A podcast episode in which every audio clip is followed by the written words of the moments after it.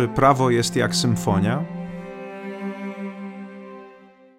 Dobrze, proszę Państwa, e, dzisiaj chciałbym Państwu przedstawić wykład, który jest e, w tym sensie dla mnie osobiście ważny, że on dotyczy tego obszaru, którym ja się zajmuję e, naukowo, bo jak już kilka razy mówiłem, nasza aktywność na uniwersytecie jest podzielona na takie dwie sfery. Czy jedna z tych sfer dotyczy dydaktyki, i to jest to, co teraz robimy, czyli kiedy wykładamy, prowadzimy ćwiczenia, to wtedy jesteśmy przede wszystkim dydaktykami, ale jak wiecie, pracownicy naukowi nazywają się naukowymi, no bo także uprawiają naukę. I tym, tą drugą sferą jest sfera, kiedy próbujemy trochę kontrybuować do tego, jakie jest nasze rozumienie świata. Już też kiedyś o tym wspominałem, że istnieje pewnego rodzaju rozdźwięk pomiędzy tym, czego uczymy, a tym, co badamy, z tej prostej przyczyny, że to, czego uczymy, powinno być już jakieś takie ugruntowane, jak, w, w pewnym sensie przez naukę potwierdzone, a to, co badamy, może takie nie być, no bo to są pewne rzeczy nowe. Generalnie oczekuje się od badaczy, że będą przynosili pewne nowe zdobycze naukowe i będą próbowali eksplorować obszar, który jeszcze do tej pory nie był eksplorowany. To generalnie jest być może także jakiś błąd właśnie związany z tym, że na przykład wy jako studenci jesteście co do zasady zaangażowani w dydaktykę, gdzie uczymy was rzeczy starych, tak można byłoby powiedzieć, które nie zawsze muszą być prawdziwe, ale na razie są potwierdzone, podczas kiedy w ramach nauki staramy się odkrywać rzeczy nowe, które nieraz są ciekawsze, mogą być nawet bardziej prawdziwe niż te stare, ale jeszcze jakby nie okrzepły na tyle, żebyśmy mogli was ich uczyć. Y, to jest dobry przyczynek do tego, żeby y, przypomnieć sobie pewną taką koncepcję, która jest bardzo znana w teorii y, filozofii nauki, czyli koncepcję Thomasa Kuna, który w swojej książce Struktura rewolucji naukowych pokazuje, że zawsze z nauką jest tak, że właśnie jest paradygmat, który został przez kogoś ustanowiony, przez wybitnych uczonych, w ramach którego e, funkcjonujemy, wszyscy go uznajemy, no i następnie e, pojawiają się nowi uczeni, którzy próbują skruszyć ten paradygmat i wprowadzić coś e, nowego do nauki w taki właśnie sposób, żeby pokazać, że coś z tym paradygmatem jest najpierw nie tak, że on pewnych rzeczy nie wyjaśnia, i dlatego potrzebujemy pewnych nowych wglądów w to, jak wygląda rzeczywistość. E, I ja dzisiaj chciałbym Wam przedstawić e, pewnego rodzaju wady paradygmatu, w którym my jako prawnicy funkcjonujemy.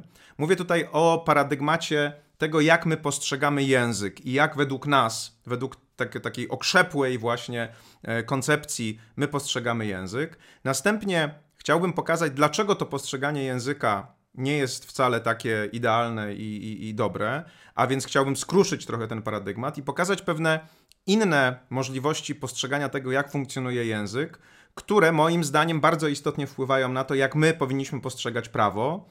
E, co więcej, chciałbym postawić taką tezę, że my nie jesteśmy w stanie wyjaśnić tego, jak funkcjonuje prawo, dopóki nie zrozumiemy tego, jak funkcjonuje język.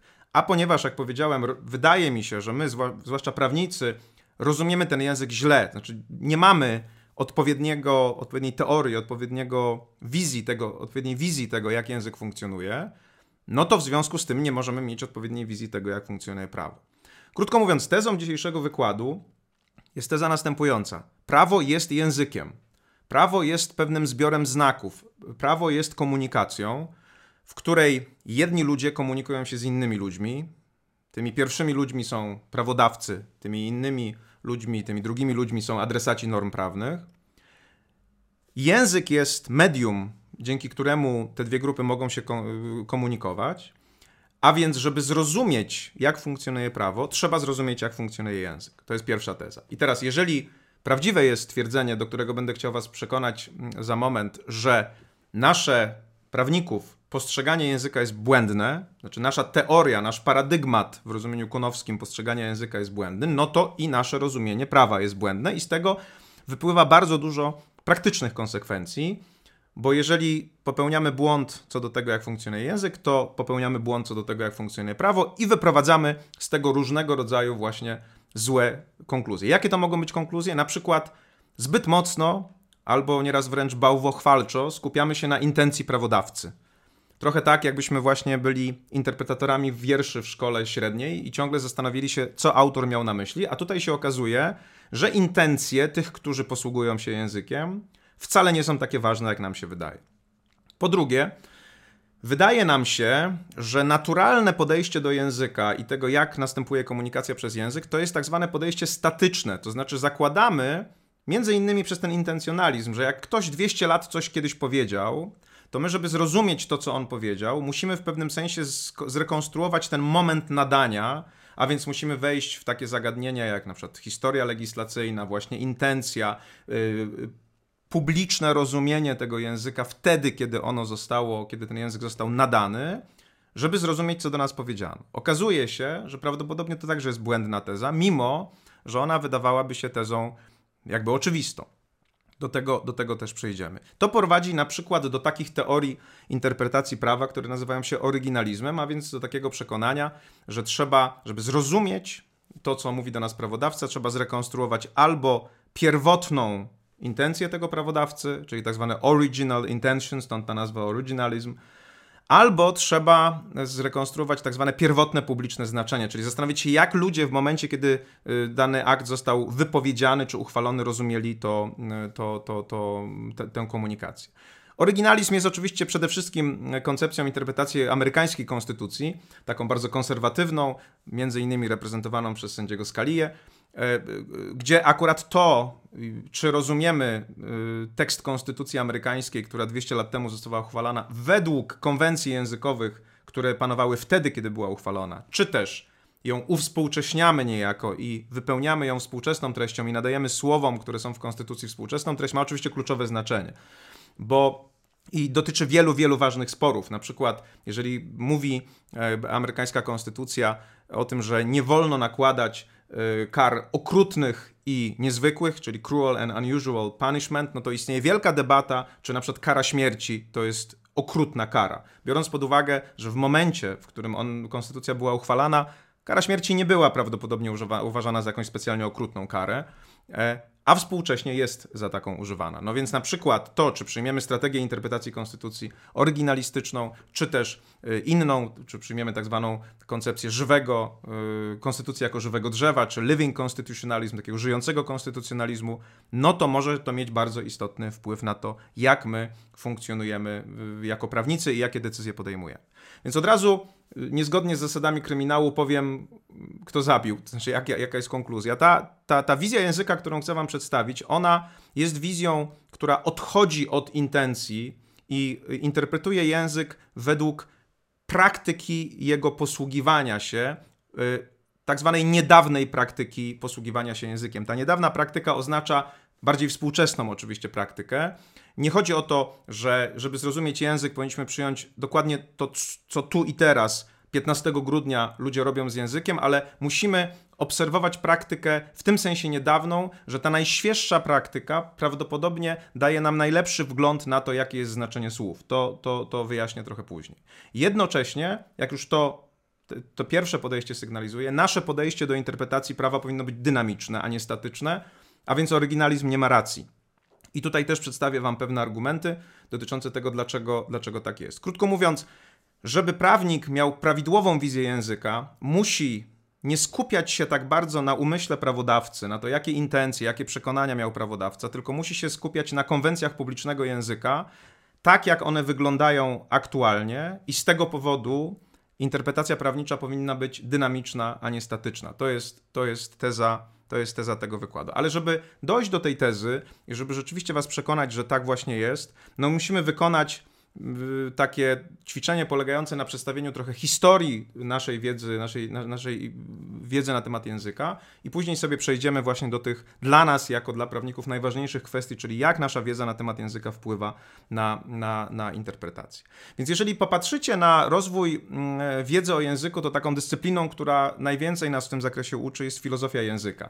Kognitywistyka i takie bardziej empiryczne y, koncepcje czy podejścia oczywiście także są bardzo ważne, ale one mają stosunkowo niedługą historię. One już nam pomagają także w zrozumieniu pewnych pewnych meandrów właśnie tego, jak, jak funkcjonuje język, ale przede wszystkim filozofia języka nas interesuje i dlatego musimy rzucić sobie taki snop światła w, w przeszłość i, i, i spojrzeć na to, jak język był rozumiany, a jak moim zdaniem powinien być rozumiany. I żeby to, żeby to zrobić, to wydaje mi się, że najważniejsze, trzeba sobie przedstawić takie, powiedzmy, trzy opozycje, to znaczy pewne dawne rozumienie języka, które, jak mówię, nie jest moim zdaniem do końca adekwatne do y, rozumienia języka prawnego, i pewne współczesne rozumienie języka, które jest bardziej adekwatne, ale nie rozpowszechnione. Więc pozwólcie, że tę jakby podróż przez tę historię przedstawię Wam właśnie w takich trzech opozycjach. Ta pierwsza opozycja to jest opozycja pomiędzy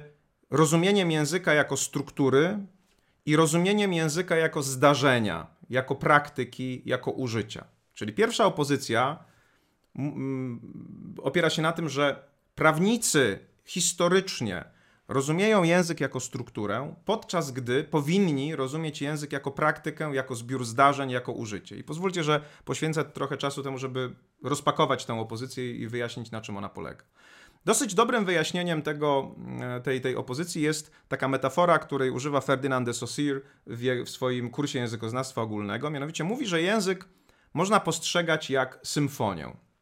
Dlaczego? Bo symfonię można postrzegać na dwa sposoby. Możecie sobie wyobrazić symfonię jako y, partyturę, jako zapis nutowy, czyli coś, co się nie zdarza jeszcze, tylko jest pewnego rodzaju potencjalnością. Tak? Kiedy muzyk patrzy na partyturę, może nawet usłyszeć tę muzykę, ale ona nie jest wykonywana. Jest taka piękna scena w Amadeuszu, gdzie Salieri e, ogląda zapis nutowy, który przyniosła mu żona Mozarta, nie może uwierzyć, że tam nie ma żadnych poprawek, więc y, już po raz jakby widzi ten geniusz wybitnego kompozytora, ale jednocześnie widząc te nuty słyszy muzykę w swojej głowie, no bo jest muzykiem, potrafi sobie to wyobrazić. Ale ta muzyka nie gra.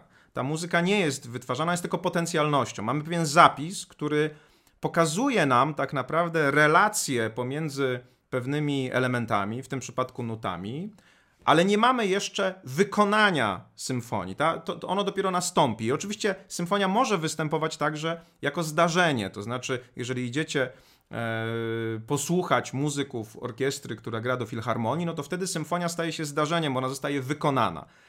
Jaka jest relacja między strukturą a zdarzeniem w tym przypadku? No, oczywiście one są ze sobą powiązane, bo, bo te, te, te relacje pomiędzy nutami, pomiędzy elementami na partyturze wpływają na to, jak, występu, jak, jak, jak wykonuje się symfonia. Ale wszyscy, którzy interesują się muzyką, wiedzą, że nie ma dwóch takich samych wykonań. Że, że, że wykonanie jest zawsze jakiegoś rodzaju jednak interpretacją tej, tej, tej struktury. Że nieraz jest bardziej żywsze, nieraz jest bardziej melancholijne. Zresztą, kiedy się obserwuje na przykład yy, konkurs Chopinowski, to widać, że określa, przecież wszyscy grają te same nuty, prawda? Ale jednak każdy z tych, który wykonuje, dodaje do tego pewien swój własny styl, swoją interpretację e, i, i, to, i to wpływa tak naprawdę na to, jak my odbieramy muzykę.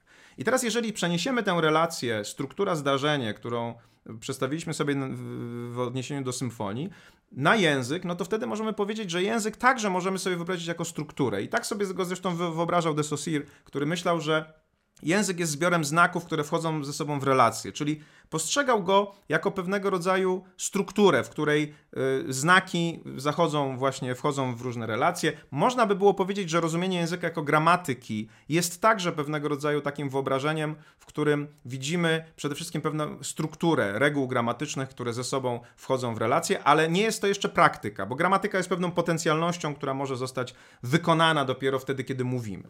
E, czyli wtedy, kiedy, e, tak jak muzycy wykonują symfonię na podstawie partytury, to my możemy na podstawie gramatyki dokonać pewnych zdarzeń, czyli właśnie, nie wiem, zacząć mówić i wtedy Wykorzystujemy oczywiście tę strukturę, ale wykorzystujemy ją do tego, żeby produkować zdarzenia w postaci naszych słów, które dzieją się tu i teraz. I, i, i to, to jest dosyć y, istotne, bo y, nasze przekonanie na temat tego, że język jest strukturą, być może wynika z charakteru naszej edukacji. Kiedy przychodzimy do szkoły, no to jesteśmy uczeni części mowy, części zdania, gramatyki i, i wtedy poznajemy tę strukturę. Natomiast no, przecież kiedy przychodzimy już do szkoły, to od dawna mówimy językiem, czyli produkujemy zdarzenia słowne, komunikujemy się. E, dzieci, które uczą się języka już w wieku 4, 5, 6 lat, świetnie mogą mówić w danym języku, a przecież jeszcze nie mają żadnego pojęcia o tym, jaka jest struktura. to jest pewien paradoks, ponieważ on oznacza, że kiedy zaczniemy się zastanawiać nad tym, co było pierwsze, struktura czy zdarzenie, kura czy jajko, no to to możemy mm, albo nie umieć odpowiedzieć na to pytanie, mówiąc, no być może istniała jakaś struktura języka już wcześniej. Są tacy jak Chomsky, którzy mówią, że istnieje jakaś uniwersalna gramatyka, która jest wrodzona. To, prawda, to, jest, to jest chyba nieprawda. To już można powiedzieć, że zostało to udowodnione, że to jest nieprawda. E, a potem dopiero jest praktyka. No ale można też powiedzieć, że najpierw jest praktyka posługiwania się językiem, że najpierw słuchamy języka i zaczynamy ten język produkować, i dopiero później jest struktura. I teraz dlaczego to jest takie ważne? Dlatego, że jeżeli my sobie wyobrażamy język jako strukturę, to wyobraża i przenosimy ją później na prawo, to prawo także wyobrażamy sobie jako przede wszystkim strukturę, jako pewną potencjalność, czyli ja bym zaryzykował takie twierdzenie, że e, można, że, że Hans Kelsen, który widział prawo jako system, jako pewną piramidę, w swoim podejściu, właśnie wtedy, kiedy wyobrażał sobie prawo jako piramidę, które, która, która zaczyna się od normy podstawowej i później są kolejne normy, jedna upoważnia następną, to widział prawo właśnie jako pewną strukturę. Zwróćcie uwagę, że żeby zobaczyć prawo tak, trzeba jakby wyjść na zewnątrz i obserwować coś, co się dobrze zna. Że można powiedzieć, że, że, że tę strukturę zarysować może tylko ktoś, kto już jest w praktyce i wydobywa z niej pewnego rodzaju cechy, takie, takie jak na przykład hierarchiczność. Można powiedzieć, że rozumienie prawa w ogóle w kategoriach systemu, jako, jako norm, które są w pewnych relacjach, właśnie jest takim myśleniem strukturalistycznym. Czy coś jest złego z tym myśleniem? Nie. Ja nie mówię, że z nim jest coś bardzo złego w tym sensie, że ono jest całkowicie błędne, bo przecież my także no, jesteśmy w stanie po jakimś czasie praktyki językowej właśnie wydobyć z niej pewną strukturę i powiedzieć, aha, to my mówimy tak, prawda? Niemcy dają, orzecz... Niemcy dają czasownik na końcu swojego zdania, a my nie, prawda? Potrafimy pokazać strukturalne różnice pomiędzy językami.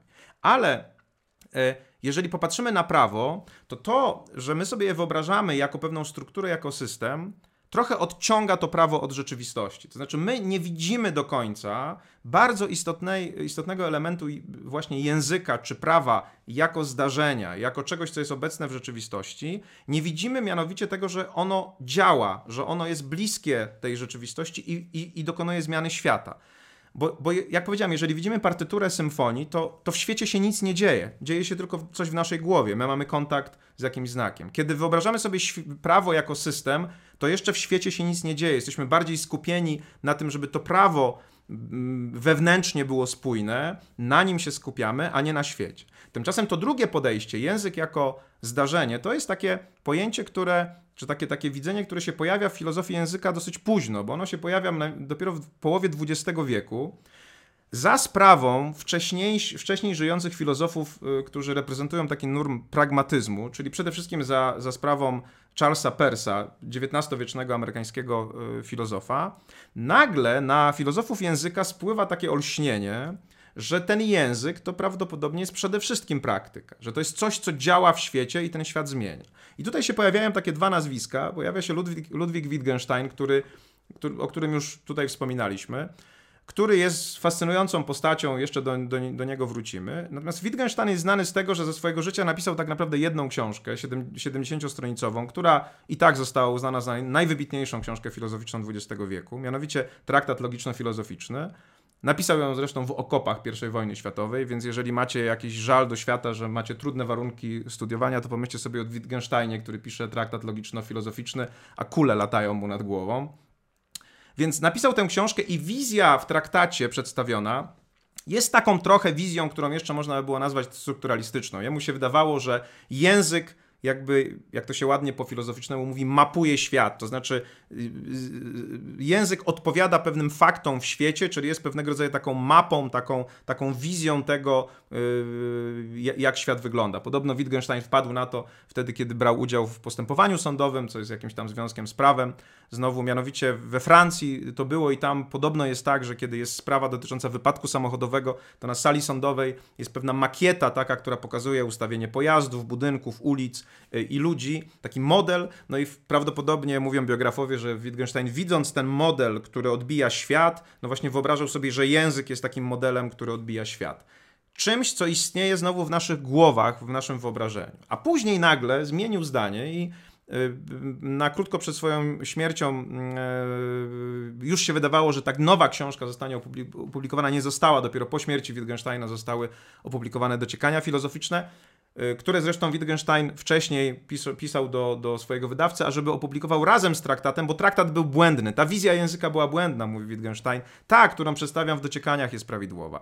I mówi się, że ta wizja to jest właśnie wizja języka w działaniu. Wittgenstein mówi, że język jest użyciem przede wszystkim, że język, że, na, że, że, narzędzia językowe są jak narzędzia, które może mieć monter w swojej skrzynce. E, ma tam młotek, ma tam śrubokręt, ma tam jeszcze coś innego. Są narzędziami, język jest narzędziem do działania, do działania w świecie. I ta zmiana od, wizja, od wizji języka strukturalistycznego na takiego, który działa w świecie, jest jedną z kluczowych zmian, bo ona w ogóle zmieniła naszą wizję patrzenia na język. I już tutaj widzicie, że ta wizja strukturalistyczna jest taką wizją Nieraz się używa takiego sformułowania y, y, armchair philosophy, czyli takiej filozofii, którą się uprawia właśnie z fotela, nie, w ogóle nie wychodząc do świata, tylko się myśli, tworzy się wielkie systemy. Y, to jest charakterystyczne dla tej pierwszej wizji. Ta druga wizja wychodzi do świata. Mówi, język jest narzędziem, który zmienia, który zmienia świat. My, my musimy o tym w taki sposób myśleć. I tutaj już widzicie to przesunięcie, że jeżeli my sobie będziemy wyobrażali prawo jako system odległy od rzeczywistości, no to mm, będziemy trochę w takiej wieży z kości słoniowej. Jeżeli natomiast przejdziemy na wizję języka, który działa w świecie i prawo będziemy postrzegali przez jego konsekwencje w świecie, tego jak ono ten świat zmienia, to wtedy nasze podejście może być trochę, wydaje się, bardziej praktyczne. Ja zresztą miałem ostatnio taką dyskusję na posiedzeniu Polskiego Towarzystwa Legislacji, które obchodziło swoją, swoje, swoją rocznicę 25. założenia, gdzie właśnie dyskutowaliśmy to w bardzo konkretnym temacie. Mianowicie tematem tej, żeby wam pokazać już na, na czymś bardziej może konkretnym te filozoficzne rozważania. Yy, mianowicie tematem tej debaty było, był, był tak zwany permanentny stan wyjątkowy. Mianowicie mamy do czynienia w ostatnich latach, czy nawet w ostatniej dekadzie z takim zjawiskiem, że kiedy pojawiają się jakieś zagrożenia, takie jak zagrożenie terrorystyczne, czy teraz zagrożenie pandemiczne, to władze wprowadzają stan wyjątkowy, który z natury rzeczy powinien być krótkotrwały, powinien trwać tyle, ile trwa zagrożenie. E, tak na przykład było w Stanach Zjednoczonych po zamachach z roku 2001, tak było we Francji po zamachach terrorystycznych. Oczywiście tak samo jest teraz z pandemicznymi e, obostrzeniami. Tymczasem okazuje się, że stan wyjątkowy, który jak sama nazwa wskazuje powinien być wyjątkowy, zaczyna stawać się regułą. I dochodzimy do powstania pewnego rodzaju oksymoronu, mianowicie permanent, do permanentnego stanu wyjątkowego. Dlaczego tak jest? No dlatego, że jak jest stan wyjątkowy, to władzy wolno więcej, bo ogranicza nasze prawa i wolności. I władzy się to najczęściej podoba. No, no w związku z tym y, doprowadza właśnie do takiej sytuacji, w której coś, co powinno być krótkotrwałe, jest długotrwałe, bo wtedy łatwiej się rządzi, trzeba się mniej tłumaczyć. Yy, yy, można na przykład odmówić dostępu dziennikarzom do pewnego rodzaju obszarów generalnie jest łatwiej. Ale nie chodzi o to, żeby władzy było łatwiej, tylko żeby było lepiej obywatelom, więc oczywiście permanentny stan wyjątkowy jest problemem. Ale na tle tego permanentnego stanu wyjątkowego e, pojawiła się pewnego rodzaju, można powiedzieć, taka dyskusja, e, co decyduje o tym, że stan wyjątkowy staje się permanentny? No oczywiście decyduje o tym to, że ktoś, konkretnie polityk, ktoś, kto ma władzę, uważa, że nadal istnieje konieczność ograniczania praw i wolności, a więc, że nadal istnieje zagrożenie. No i teraz powstaje pytanie, czy prawnicy, na przykład sędziowie sądu konstytucyjnego, czy sędziowie y, innych sądów, mają prawo oceniać tylko i wyłącznie proceduralne aspekty wprowadzenia stanu wyjątkowego, czy też mają prawo oceniać to, czy istnieje nadal konieczność jego wprowadzenia. Czyli czy mają podchodzić formalistycznie do stanu wyjątkowego, czy też mają wejść głębiej w taką analizę już materialną. No i są prawnicy, którzy uważają, że tak naprawdę to, czy istnieje konieczność przedłużenia stanu y, wyjątkowego, czy też nie, może być oceniane tylko przez polityków, bo to rząd wie, czy jest zagrożenie na granicy, czy jest zagrożenie epidemiczne, czy jest zagrożenie terrorystyczne. I prawnicy nie powinni w to wnikać, powinni tylko sprawdzać procedury. To jest takie trochę podejście kunktatorskie, jakbym powiedział. Znaczy takie podejście, w którym rzeczywiście my, my mówimy, jest świat prawa, który jest niezależnym prawem i jest jakiś świat rzeczywisty, w którym coś się dzieje. I my, prawnicy, do tego świata rzeczywistego za bardzo tam się nie pchamy. My tutaj sprawdzamy, czy nasz system nie został naruszony.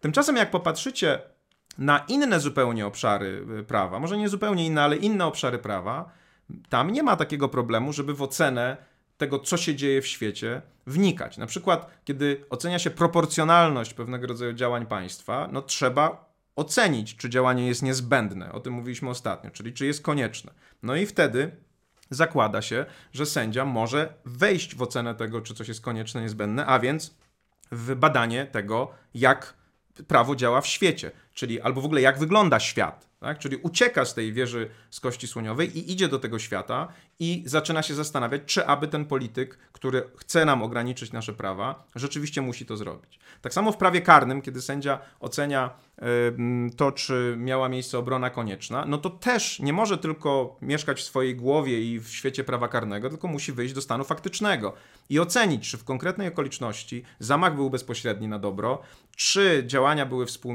współmierne. Krótko mówiąc, w wielu obszarach prawa wyjście ze struktury do świata, do zdarzeń jest oczywiste, a w niektórych jeszcze się zastanawiamy. Więc to pokazuje, że czy my wyobrażamy sobie język jako strukturę, czy jako zdarzenie, to jest e, bardzo ważne, bo w taki sam sposób myślimy o prawie. Oprócz Wittgensteina, to jeszcze wracam do filozofii języka, drugim takim filozofem, który zmienił nasze spojrzenie na prawo, był John Longshaw Austin. John L. Austin to jest inny Austin, jeszcze raz powtarzam, niż ten z XIX wieku, John Austin, którego Hart krytykował, który stworzył teorię najpierw performatywów, a później teorię aktów mowy. I ta teoria jest w całości widzeniem języka jako, jako pewnej serii zdarzeń. Znaczy, język u Austina właściwie występuje tylko jako zdarzenie. Czy ktoś coś językiem robi. Tak? Austin napisał książkę How to do things with words, czyli jak działać słowami. Tak jest polskie tłumaczenie. Więc tutaj widzicie ten element, że słowa działają w rzeczywistości, że one coś z tą rzeczywistością robią. Teoria aktów mowy Ostina jest genialną teorią, która wyjaśnia mnóstwo rzeczy w prawie, a w szczególności ten podział, o którym także już kiedyś wspominałem, na te trzy aspekty aktu mowy, czyli akt lokucyjny, akt illokucyjny i akt perlokucyjny, z których dzisiaj najbardziej nas interesuje akt perlokucyjny. Przypominam, że te, ten podział ostinowski tych trzech aktów najłatwiej sobie wyobrazić na takiej oto sytuacji, kiedy ktoś wydaje nam polecenie zamknij okno, no to wypowiedzenie słów zamknij okno to jest lokucja, to jest akt lokucyjny. Wydanie rozkazu to jest akt illokucyjny, czyli nadanie mu mocy, e, a to, że ktoś powziął przekonanie, że powinien zamknąć okno i poszedł i je zamknął, to to jest akt perlokucyjny, to jest zmiana w świecie. I teraz może być tak, że nie wszystkie te elementy wspólnie ze sobą występują. Jeżeli generał każe żołnierzowi yy, zrobić 20 pompek, albo mówi mu padnij, to wypowiada słowo padnij, ponieważ jest generałem, a ten, do którego mówi, jest szeregowym, więc są w pewnej relacji władzy, to staje się rozkazem, czyli akt lokucyjny nabiera mocy, staje się aktem illokucyjnym. No i oczywiście szeregowy wykonuje ten rozkaz, no bo kazał mu generał. Natomiast jeżeli odwrócimy sobie tę sytuację i szeregowy będzie z kantyny wracał po dwóch piwkach, prawda, i zobaczy generała i będzie chciał sobie zażartować i powie padnij, to dokona aktu lokucyjnego, ale ponieważ jest niewłaściwej relacji yy, hierarchicznej, nie wyda rozkazu, czyli nie nastąpi akt illokucyjny, no i prawdopodobnie nie nastąpi akt perlokucyjny, prawda, chyba, że generał też będzie po dwóch piwkach i będzie chciał, prawda, wejść w tę grę.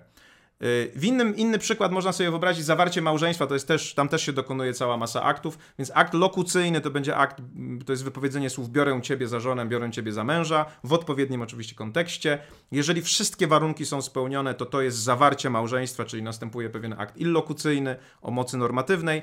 No i to, co się dzieje później, to są akty perlokucyjne, związane, nie wiem, z jakąś tam wspólnym majątkiem, z posiadaniem dzieci albo nie, z innymi, z pewnymi uprawnieniami. To są pewne skutki tego, że doszło do, do takiego właśnie aktu perlokucyjnego. I znowu, prawidłowo wykonany akt mowy ma te wszystkie elementy, nieprawidłowo wykonany ich nie ma. Jeżeli ktoś, jeżeli warunki nie są spełnione, na przykład ktoś jest bigamistą i mówi biorę ciebie za męża, czy biorę ciebie za żonę, to mimo, że dokonuje aktu lokucyjnego, to nie dokonuje się akt illokucyjny, mimo, że jeżeli jest na przykład oszustem, mogą się dokonać akty perlokucyjne.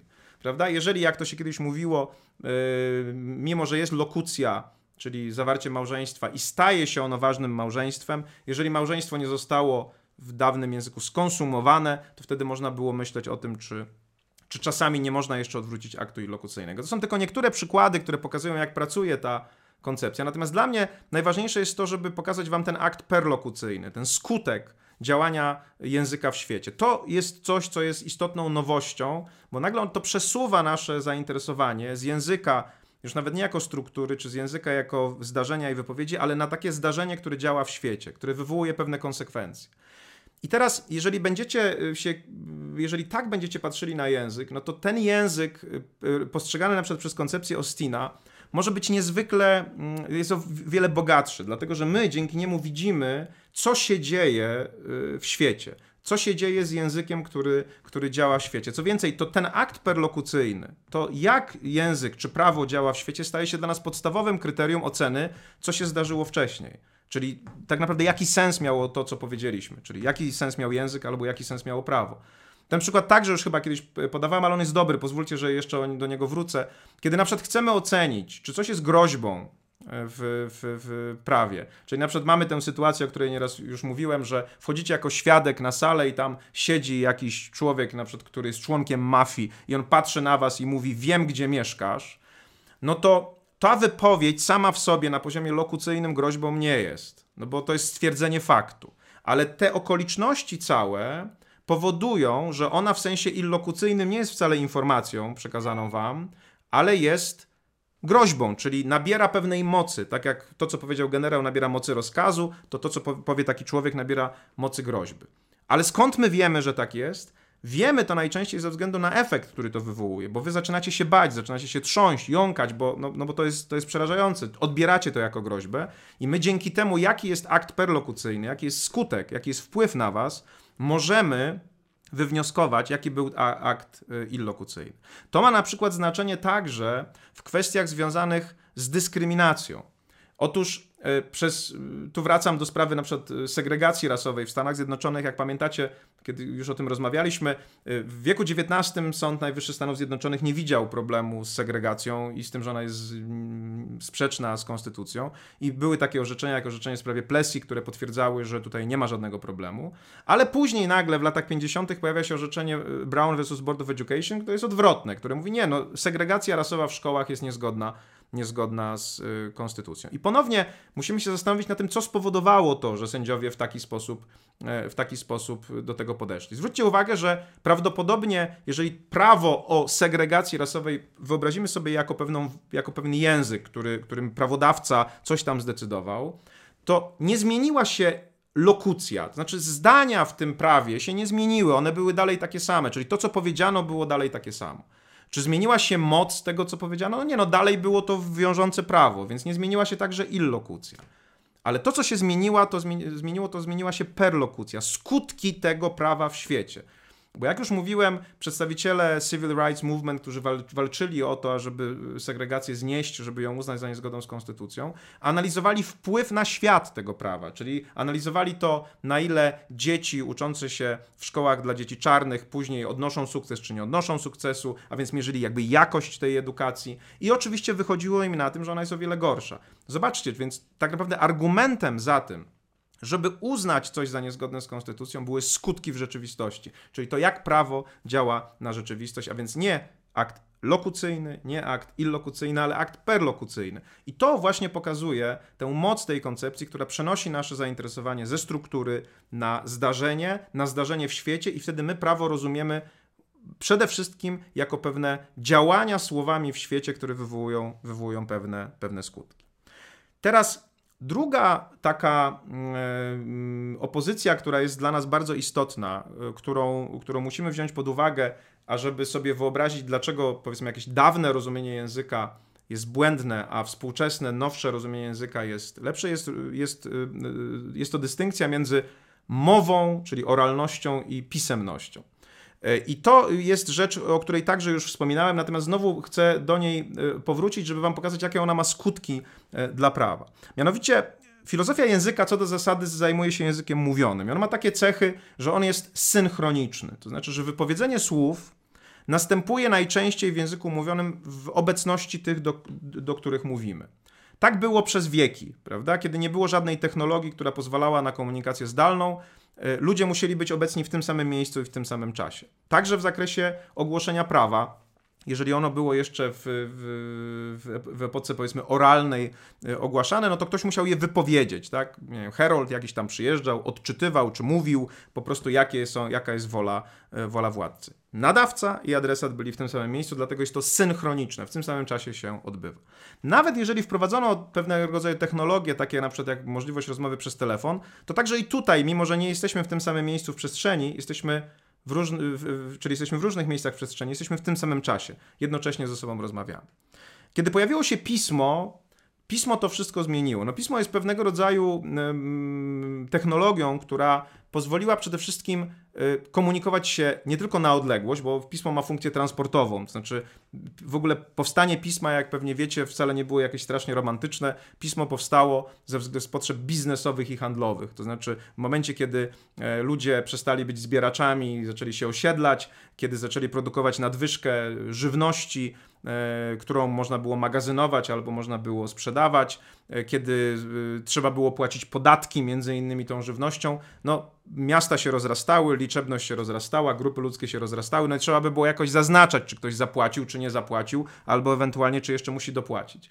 I to polegało, i właśnie tutaj pierwsze formy pisma to były właśnie takie, które zaznaczały tak naprawdę na jakimś trwałym materiale, glinianej tabliczce, na przykład to, czy ktoś zapłacił, czy nie. I, i z tego powodu, z, tej, z, tej, z tego prostego, z, y, z tej konstrukcji wy, wy, wykształciła się technologia, która pozwala nam komunikować się nie tylko w czasie, to znaczy, y, ale też w przestrzeni. To znaczy, ja mogę napisać list, który następnie zostanie przeniesiony w przestrzeni, ale także on może zostać przeniesiony w czasie. Jeżeli ja na przykład jestem na bezludnej wyspie i wyślę list w, w butelce, y, który on może dryfować nieraz wiele lat i gdzieś tam zostanie odebrany. I tutaj następuje taka oto różnica, że z komunikacji synchronicznej, która następuje w jednym momencie, My powoli przechodzimy na tak zwaną komunikację diachroniczną, czyli taką, która, w której nadawca jest nie tylko w innym miejscu, ale w innym czasie niż odbiorca. I to może się wydawać oczywiste, ale dla wielu oczywiste nie jest, ponieważ dopiero wtedy, kiedy uwzględnimy zmiany komunikacji, które następują właśnie wtedy, kiedy ona przechodzi od y, komunikacji synchronicznej do diachronicznej, widzimy to, jak funkcjonuje prawo. Bo prawo jest pisemne, jest pisane. A więc ta technologia pisma powoduje, że to, co ktoś mówi czy pisze w jednym momencie, na przykład 200 lat temu w przypadku Konstytucji Amerykańskiej, jest odbierane w innym miejscu po wielu, wielu latach często. Y, I w związku z tym powstaje pytanie, co tutaj się dzieje w sensie językowym. Jeżeli będziemy patrzyli na to zjawisko tylko z perspektywy gramatyki, struktury, no to w ogóle nie zobaczymy tego, co się dzieje. Ale jak będziemy patrzyli na to z perspektywy zdarzenia, no to dzieje się bardzo dużo. No bo wiadomo, że lokucja następuje w momencie nadania, no bo ktoś coś powiedział albo napisał, czyli na przykład lokucja, akt lokucyjny, wypowiedzenia słów, napisania słów Konstytucji Amerykańskiej nastąpił 200 lat temu. Ona nabrała wtedy mocy też, więc illokucja także wtedy miała miejsce, bo ona stała się prawem wtedy, ale już tutaj trzeba sobie zdawać sprawę, że ona cały czas jest prawem. Tak? Więc ta illokucja jest jak gdyby, roz... ta moc illokucyjna jest rozciągnięta w czasie, bo ona cały czas jest rozpoznawana, ale najciekawsze rzeczy dzieją się z perlokucją, czyli z tym, jakie skutki wywołuje to prawo w rzeczywistości. Mianowicie to prawo wywołuje skutek w postaci e, zmiany dzisiaj rzeczywistości, a więc akt perlokucyjny następuje tu i teraz. No więc to jest dosyć istotne, dlatego że to oznacza, że my o, o tym prawie, tak jak pokazał przykład segregacji rasowej, myślimy w kategoriach także współczesnych. I to jest rzecz dosyć istotna, bo tak jak mówię, wróćmy na moment do tego oryginalizmu, który jest taką wizją konstytucji, w której e, właśnie akt lokucyjny, illokucyjny, no i właśnie nie wiadomo, perlokucyjny chyba następuje tylko w tym jednym miejscu, dawno, dawno temu i trzeba wszystko, co my myślimy na temat konstytucji i języka, E, właśnie traktować w kategoriach tego, co się wtedy, wtedy zdarzyło. No i w związku z tym na przykład oryginaliści próbują uzasadnić, że konstytucja amerykańska, ale także oczywiście możemy rozszerzyć to twierdzenie, inne konstytucje, które są na całym świecie, a także normalne ustawy, które są uchwalane, e, a na przykład bardzo długo obowiązują, powinny być być może rozumiane, rozum, rozumiane oryginalistycznie. Jakie to są dwa argumenty. No po pierwsze dlatego, że uchwalił je jakiś prawodawca, który miał jakąś intencję, no więc my, żyjąc w, w państwie demokratycznym, powinniśmy uwzględnić tę intencję. Po drugie, e, po jakimś czasie okazało się, że z tą intencją jest pewnego rodzaju problem, no bo to jednak nie jedna osoba tę intencję formułuje, tylko formułuje ją wiele osób, no bo ciała ustawodawcze nie są jednoosobowe. E, to e, pokazuje także, e, w jaki sposób tworzenie prawa przez pismo, a nie przez słowo, jakby jest odmienne i wymaga innych, innego, innego aparatu. No pomyślcie sobie na przykład, y, kiedy cesarz rzymski wydawał polecenie do bicia gladiatora, kierując kciuk w dół, no to to było pewne zachowanie, które było nawet nie ustnie, ale ewidentnie było synchroniczne, wszyscy to widzieli, było jasne jaka jest ta intencja i on to oso jednoosobowo robił.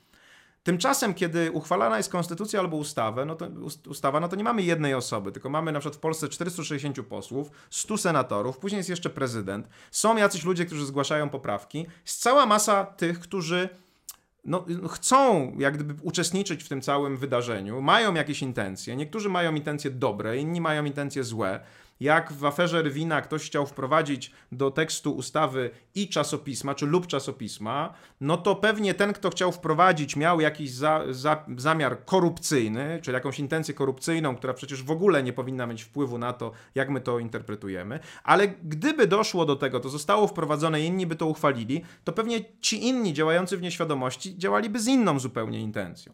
Więc mamy z tą intencją problem. To jest tak zwany problem, po pierwsze, identyfikacji, to znaczy czy my jesteśmy w stanie dotrzeć do tej intencji, po drugie, na przykład ze względu na upływ czasu, agregacji, czyli to, jak my mamy zebrać intencje tak wielu ludzi, jeżeli te intencje są różne. E, I e, jeszcze inne tam są problemy, do których nie musimy tutaj wracać. Chcę Wam tylko zwrócić uwagę na to, że tutaj znowu pewnego rodzaju pomocna może być koncepcja ostinowska tego aktu lokucyjnego, illokucyjnego i perlokucyjnego. Ja napisałem kiedyś taki tekst, trzy rodzaje intencji w tworzeniu prawa, gdzie starałem się pokazać, że my najczęściej, kiedy myślimy o intencji prawodawcy, to wyobrażamy sobie ją jako intencję lokucyjną, semantyczną. Coś chciał powiedzieć i w związku z tym nadał temu, co powiedział, jakieś znaczenie. Na przykład, kiedy mamy wątpliwość, co prawodawca powiedział, to właśnie zastanawiam się, jaką on miał intencję lokucyjną. Tymczasem jak powiedziałem, ta intencja jest trudna do zidentyfikowania, ona jest w głowie tego, kto mówi, i trudna do zagregowania, dlatego że ci wszyscy, którzy brali udział w głosowaniu, mogli mieć w ogóle różne intencje co do tego, co słowa znaczą w tekście prawnym. No i skąd my mamy teraz wiedzieć, która z tych intencji była intencją, yy, która kontroluje to, jakie jest znaczenie? Oczywiście ci ludzie, którzy uchwalają prawo, mają też intencje perlokucyjne. Znaczy intencje co do tego, jakie mają być skutki w rzeczywistości. Prawda? Co to prawo ma zmienić. I tutaj nawet można powiedzieć, sytuacja jest pewnie trochę jaśniejsza, dlatego że jeżeli prawo ma ustawa ma uzasadnienie, no ona już jak ma ocenę skutków regulacji, to już w ogóle pokazuje skutki regulacji, a więc pokazuje, jaka będzie perlokucja. Ale także tutaj y, problem agregacji następuje. No chociażby ten przykład z lub czasopisma pokazuje, że ten, kto to chciał wprowadzić przestępczo do tekstu ustawy, no miał na pewno inne intencje perlokucyjne, no nie wiem, tam chciał coś kupić, przejąć, niż ci, którzy później bez świadomości na przykład nad tym tekstem by głosowali, nad, nad, nad bez świadomości przestępczego charakteru wprowadzenia, czy korupcyjnego charakteru wprowadzenia tej, tej frazy. Więc także co do perlokucji jest tutaj pewien problem. Jedyna rzecz, którą możemy, na której możemy się oprzeć, to jest tak naprawdę illokucja, intencja illokucyjna. Możemy mieć wątpliwości, jakie intencje tworzący prawo mieli w sprawie tego, co tekst znaczy. Czyli możemy mieć wątpliwości co do tego, jaka była ich intencja lokucyjna, semantyczna. Możemy się kłócić co do tego, jaka była ich intencja perlokucyjna, czyli jakie sobie skutki wyobrażali. Inny przykład, taki często dyskutowany, jeżeli wprowadza się nagle obowiązek posiadania, wprowadziłoby się nagle obowiązek posiadania dwóch gaśnic w samochodzie, którym się jeździ, to na przykład być może jest tak, że jest jakieś lobby y, jakiegoś polityka, którego szwagier ma fabrykę gaśnic. No i jeżeli wprowadzi się obowiązek posiadania dwóch, to on zarobi całą masę pieniędzy. No więc intencją perlokucyjną tego, kto to zgłasza, jest to, żeby jego szwagier zarobił mnóstwo pieniędzy. Ale ci, którzy będą później głosowali i nie wiedzą o tym, pewnie będą mieli inną intencję perlokucyjną, a żeby było bezpieczniej w samochodzie, albo żeby można było szybciej zgasić pożar, żeby było mniej ofiar. Krótko mówiąc, co do intencji perlokucyjnej też może być dyskusja. Ale co do intencji illokucyjnej, czyli co to jest za intencja? Co, co to jest za intencja? To jest intencja nadania temu, co mówimy, mocy prawa. Tak? Czyli jak generał mówił padnij, to chciał, żeby nie tylko chciał powiedzieć padnij, ale chciał, żeby to coś było rozkazem. Y, w związku z tym, jak prawodawca mówi coś, to on nie tylko chce powiedzieć to czy napisać, czyli ma intencję lokucyjną, ale też chce, żeby to się stało prawem. Więc to jest intencja, która jakby namaszcza tekst i mówi, to jest wasz rozkaz. Ale to wcale nie oznacza, że ona ustala znaczenie tego tekstu, I, a już na pewno nie znaczy, że je jakby zamraża. Ja w, w swojej książce daję taki przykład, który, no nie wiem, na mnie jakoś mi, mi to wyjaśnia, może wam też to wyjaśni. Mianowicie no właśnie z, można sobie wyobrazić, że na przykład ktoś uchwala 10 przykazań jako prawo, jako konstytucję jakiegoś skrajnie ortodoksyjnie katolickiego kraju. No i teraz powstaje pytanie, jest jakiś tekst, który ma swoją historię, który już y, obrósł interpretacjami i tak dalej i nagle ktoś go czyni aktem prawnym. Czyli y, tutaj ma przede wszystkim intencję illokucyjną. Chce, żeby ten tekst stał się obowiązującym prawem, żeby stał się rozkazem. Czy to, że on ma intencję illokucyjną, która nadaje moc temu teksto, tekstowi, moc prawa, czy to zmienia znaczenie tego tekstu? Czy to powoduje, że jego rozumienie dziesięciu przykazań, które może nam być zupełnie błędne, jest wiążące teraz dla tych, którzy mają tych dziesięciu przykazań yy, przestrzegać? To, to tak, że to, że my nie dostrzegamy tego rodzaju problemu, to też trochę wynika właśnie z tej, z tej opozycji mowa pismo albo oralność, y, pisemność, bo nam się wydaje, że prawodawca mówi do nas. A prawodawca nie mówi, prawodawca, czyli że on produkuje sam z siebie pewnego rodzaju słowa. Prawodawca dostaje wcześniej przygotowany tekst, bo ktoś przecież jakiś tam legislator to przygotowuje, i on właściwie namaszcza ten tekst mocą prawa, głosując. Więc robi z każdym tekstem właściwie coś podobnego, jak z dziesięcioma przykazaniami. To znaczy, jest coś gotowego i on mówi, niech to stanie się prawem, ze wszystkimi tego konsekwencjami. I to można rozumieć w kategoriach intencji lokucyjnej, i to jest dosyć ważne dla następnej naszej y, koncepcji, czy następnej opozycji, bo to oznacza, że jeżeli w momencie wypowiedzenia, napisania słów nikt nie y, jakby łączy, czy, czy, czy oznacza, czy, czy, czy zamraża ich znaczenia, tylko mówi, niech ten tekst stanie się prawem, to jeżeli udałoby nam się pokazać, że znaczenie się zmienia i my dalej z tego samego tekstu jesteśmy w stanie wyprowadzać y, inne znaczenia, dlatego że nasza praktyka użycia tych słów się zmieniła, no to to nam otwiera drogę do dynamicznej interpretacji. Tak? Czyli my szanujemy intencję illokucyjną, mówimy, my nadal ten tekst y, y, traktujemy jako prawo, ale jeżeli on mówi, że nie możemy stosować kary, która jest okrutna albo wymyślna, cruel and unusual, to my definiujemy to, co jest cruel and unusual, co jest okrutne i, i, i niezwykłe czy, czy wymyślne, na podstawie naszej obecnej praktyki, a zaraz udowodnię, dlaczego tak jest lepiej. Natomiast jeżeli my uznajemy, że to intencja lokucyjna, semantyczna tego, co wypowiedział czy napisał prawodawca jest wiążąca, no to musimy być oryginalistami. Dlatego, że to oznacza, że, że on raz powiedział i to zawsze już będzie znaczyło to, co on powiedział. To jest zresztą, jak powiedziałem, oryginaliści tutaj są dosyć mocni, pozornie, jak się wydaje, w argumentach, bo jest jeden z nich, czyli Lawrence Solam, y, y, autor takiego tekstu Semantic Originalism, daje taki przykład, który jest przykładem y, na pozór bardzo silnym, takim, z którym trudno jest dyskutować, mianowicie mówi o tym, że jeżeli XIII-wieczny rolnik napisze list, e, nie wiadomo, czy on umiałby pisać, no ale tak Solam zakłada, e, no i my go odnajdziemy w wieku XX, no to według jakich zasad mamy go interpretować, tak? Mówi Solam, no według tych zasad, które miały miejsce zasad językowych z wieku XIII. Jest to oczywiste, no bo jakże inaczej mielibyśmy interpretować ten, ten tekst. W związku z tym, mówi Solam, jeżeli prawo zostałoby wydane w wieku XIII albo w wieku XVIII, to tak samo musimy je rozumieć według zasad językowych, które wtedy panowały. No i to jest problem, dlatego że tutaj znowu wydaje się, że nie dostrzega się pewnych y, dystynkcji, które są ważne i, wynikają z teorii aktów mowy Johna Longshaw Austina, czyli nie patrzy się na relacje między lokucją, illokucją i perlokucją, czyli tym, co powiedziano, tym, jaką to miało moc i tym, jakie to skutki y, wywołało. Bo zobaczcie, jeżeli mm, ja w jednym z tekstów dałem przykład, który ma być kontrprzykładem dla tego, o czym mówi Solam, czyli przykład mapy. Wyobraźcie sobie, że znajdujecie mapę XVII-wieczną, która mówi wam, gdzie jest skarb. Tam jest taki X, jacyś piraci ukryli skarb i taką mapę sporządzili. No i teraz, jak pomyślicie o mapie, no to ta mapa została wytworzona, czyli jej lokucja nastąpiła w wieku powiedzmy nam XVII. Y, jeżeli ją potraktujemy jako, nie wiem, instrukcja albo nakaz odnalezienia skarbu, to ona też swoją illokucję wtedy, wtedy wywołała, ale dopóki skarb nie zostanie znaleziony, to perlokucja jest oddalona w czasie. Jeżeli teraz na przykład znajdziemy ten skarb, no to wtedy można powiedzieć skutek tej, tej wypowiedzi nastąpi.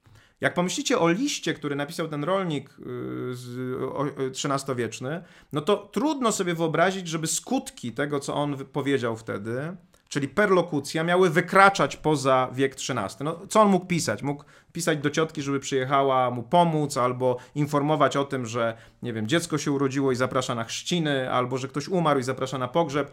Wszystkie skutki perlokucyjne odbyły się tam, tak, w tym momencie czasowym, nie było żadnej intencji perlokucyjnej, żeby one wykroczyły poza ten czas. Tymczasem intencja perlokucyjna dotycząca aktów prawnych, czyli tego, żeby one wywołały skutki, jest bardziej podobna do tej mapy.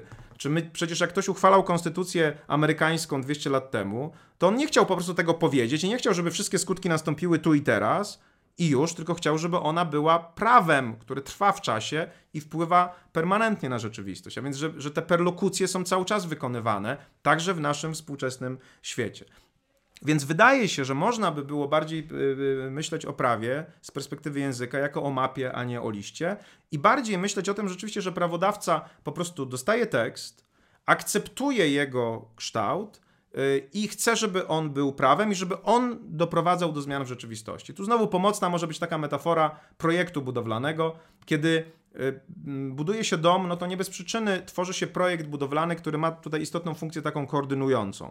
Co to znaczy? Uzewnętrznia się plan domu w bardzo precyzyjny sposób, bo wszyscy wiedzą z doświadczenia, że jeżeli inwestor chce jakiś mieć dom i ma to w głowie, no to nie wystarczy, że on to ma w głowie, bo my nie jesteśmy w stanie tej jego intencji wydobyć. On to musi uzewnętrznić. Co więcej, musi to uzewnętrznić w sposób taki, który będzie wystarczający, żeby później E, budowniczy mógł na tej podstawie wykonać ten dom. Czyli znowu macie tutaj sytuację, w której najpierw coś powstaje jako idea, później jest przelane na papier, a później wpływa na rzeczywistość, prawda? Więc znowu mamy tutaj ewidentnie działanie jakiegoś artefaktu, w tym przypadku projektu budowlanego na rzeczywistość. I teraz znowu, kiedy już mamy eksternalizację tych naszych przekonań w formie aktu, w formie jakiegoś dokumentu, to wtedy dla tego, kto buduje, kluczowe jest to, co mówi ten artefakt, a nie co w głowie ma ten inwestor. Bo ten inwestor może nawet przyjść później i powiedzieć, wie pan, inaczej sobie to wyobrażałem, a budowniczy powie, panie, ale tutaj jest napisane, że to miało być tak, prawda? Więc ja według tego działam. I prawnik, wydaje się, powinien działać podobnie. To znaczy, ponieważ nie ma dostępu do intencji prawodawcy, nie, umie, nie może ich zaagregować, bo one są rozproszone, różne E, one mogą być niejasne, to dla niego wiążący powinien być artefakt, który z siebie wydał prawodawca, czyli tekst prawny, i na jego podstawie powinien dokonywać e, zmian w świecie. I tutaj dochodzimy do trzeciej, do trzeciej tej, tej, tej naszej dystynkcji, która, i znowu ją odniesiemy do interpretacji prawniczej. Mianowicie w filozofii języka istnieją takie dwa podejścia do tego, jak powstaje znaczenie, jak się determinuje znaczenie. Jeden z nich nazywa się internalizm semantyczny, Drugie z tych podejść nazywa się eksternalizmem semantycznym. Dlaczego internalizm i eksternalizm? Internalizm mówi w pewnym sensie, że znaczenia produkowane są w naszych głowach.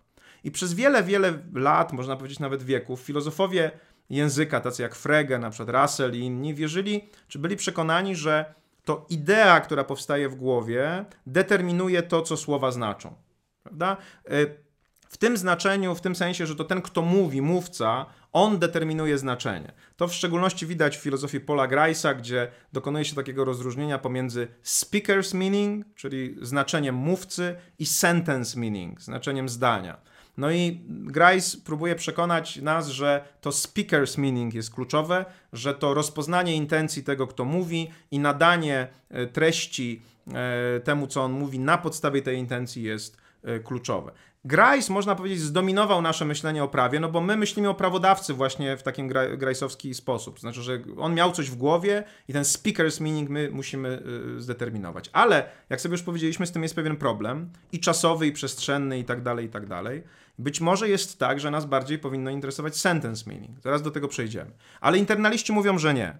Internaliści mówią, że to intencja tego, kto mówi, zwłaszcza wtedy, kiedy język, kiedy jego wypowiedź jest niejasna, powinna nam służyć do tego, ażebyśmy rozstrzygnęli, co ten człowiek miał na myśli. Czyli jeżeli ktoś używa na przykład w tekście prawnym, ale też w normalnej konwersacji słowa e, zamek, no to my, e, żeby rozstrzygnąć, czy jemu chodzi o zamek w drzwiach, czy o warownię, czy o zamek w kurtce, powinniśmy co do zasady sięgnąć do tego, co on chciał nam powiedzieć. No i tutaj, oczywiście, kiedy mamy tego człowieka przed sobą, prawda, i z nim rozmawiamy, kiedy mamy komunikację oralną, synchroniczną, nie ma z tym żadnego problemu. Możemy zapytać, słuchaj, ale jak mówiłeś zamek, to, to co miałeś na myśli? Tak bardzo często tak robimy, czyli my pytamy internalistycznie, co miałeś na myśli, jaka była twoja intencja i ten człowiek nam tłumaczy, prawda? I wtedy nie ma, nie ma już nieporozumienia. No ale problem jest wtedy, kiedy mamy diachroniczną komunikację za pomocą pisma, gdzie ci, którzy to powiedzieli, już dawno nie żyją, tak jak twórcy amerykańskiej konstytucji, już nie ma kogo zapytać i jesteśmy tylko my i tekst. No wtedy sięganie internalistyczne do tego, co oni mieli w głowach, jest problematyczne. No i tutaj pojawia się inna, alternatywna wizja tego, jak znaczenie jest produkowane, która jest trochę trudniejsza, bo tak jak mówię, zwróćcie uwagę, że to podejście internalistyczne no jest takie naturalne dla nas, tak? No właśnie, ktoś nam coś mówi, nie rozumiemy i mówimy zaraz, zaraz, ale co miałeś na myśli, prawda? I wydaje nam się, że być może tak samo możemy zrobić z prawodawcą. No otóż nie możemy i tutaj jest nam pomocny trochę w tym ten drugi nurt, który nazywa się eksternalizmem semantycznym, który y, między innymi pochodzi od Hilary'ego Patnama, wybitnego filozofa języka i umysłu, który jest twórcą takiego sformułowania znaczenia nie mieszkają w naszych głowach. To znaczy to nie nasze głowy decydują o tym, że coś, że, że coś coś znaczy.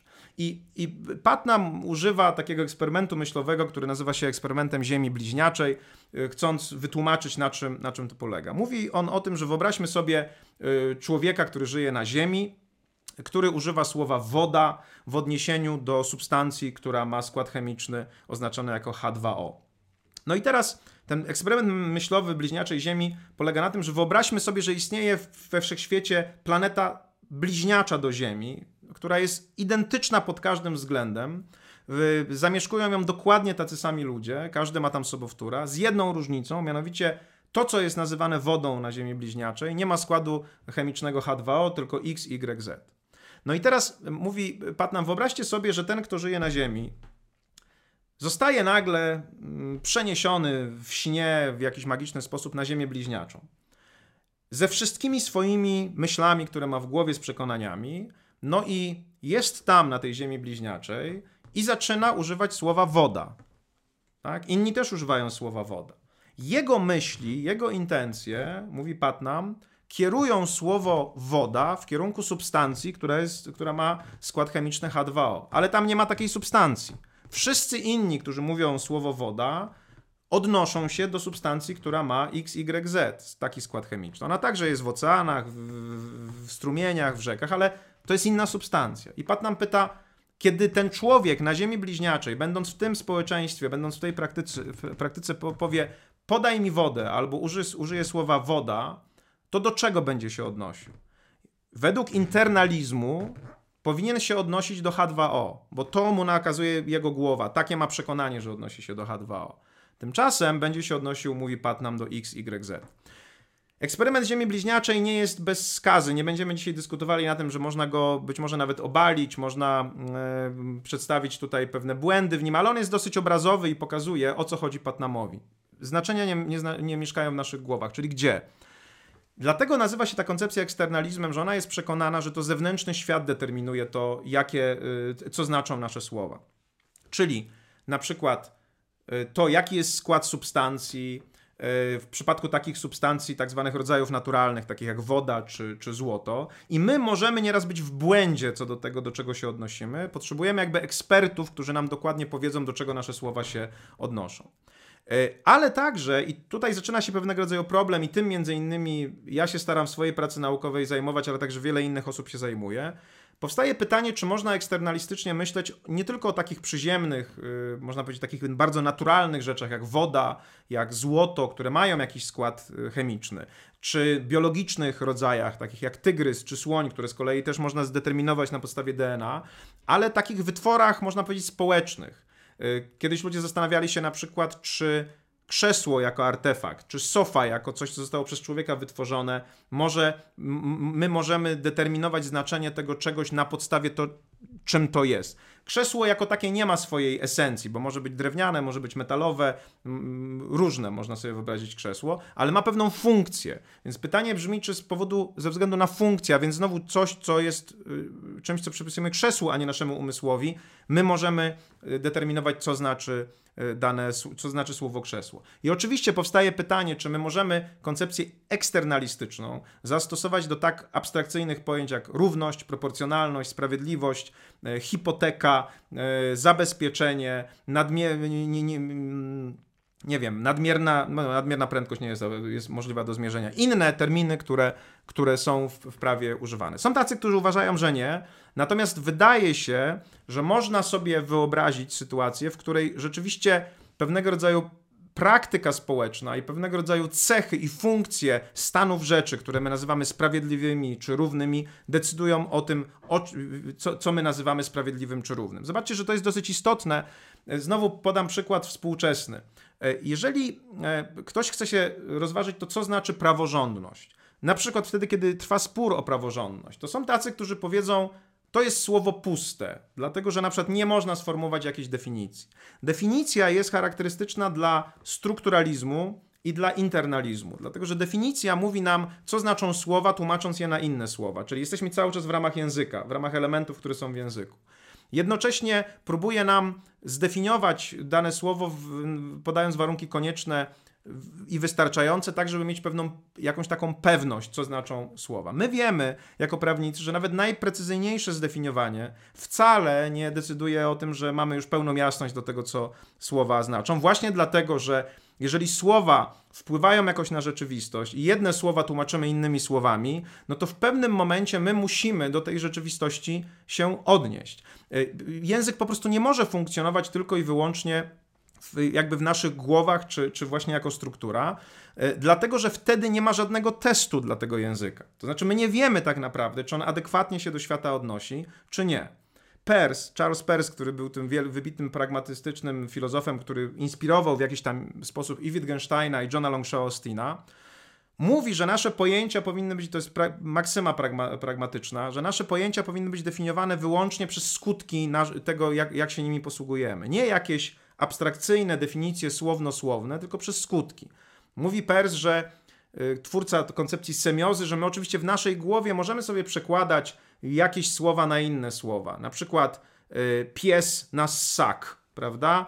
Ale y, i to jest właśnie semioza, ale w końcu nasze przełożenie musi gdzieś mieć jakieś znaczenie dla świata. Jeżeli ja na przykład próbuję sobie myśleć o różnego rodzaju grzybach czy jagodach jako jadalnych czy niejadalnych, to mogę bardzo długo to robić, ale dopóki nie ruszę do świata i nie sprawdzę i nie, nie zobaczę, jak moje akty mowy to jest jadalne, to jest niejadalne, jakie mają skutki, to znaczy, czy ktoś umiera po zjedzeniu albo czy żyje i cieszy się zdrowiem, to ja nie wiem, czy moje słowa odnoszą się do rzeczywistości prawidłowo. Więc Pers mówi, trzeba wyjść z tej semiozy, która toczy się w głowie i przejść do świata. Więc my na przykład możemy bardzo długo y, kłócić się o to, co znaczy praworządność. Możemy bardzo długo dyskutować, co znaczy niezawisłość sędziowska. Możemy długo decydować o tym, czym jest sprawiedliwość, czy na przykład równość w kontekście segregacji rasowej, ale w pewnym momencie trzeba spojrzeć na świat i powiedzieć, jakie skutki mają te słowa, które my wypowiadamy, czyli na przykład nasze myślenie, nasze rozumienie pewnego rodzaju yy, pojęć. Czyli jeżeli ktoś rozumie, że powołanie i nadzorowanie aktywności sędziego przez polityka mieści się w znaczeniu pojęcia niezawisłość czy niezależność, okej, okay, to to na, w, w abstrakcyjnie można sobie wyobrazić. Ten ktoś chce tak rozumieć niezawisłość internalistycznie. Jego intencją jest uznanie, że powołanie sędziego przez polityka, kontrolowanie sędziego przez polityka jest mieści się w pojęciu niezawisłość. Ale jeżeli to przeniesiemy na rzeczywistość, czyli wyjdziemy z tej wieży z kości słoniowej i zobaczymy, jak to działa, to nagle zobaczymy, że funkcja prawa nie może być realizowana.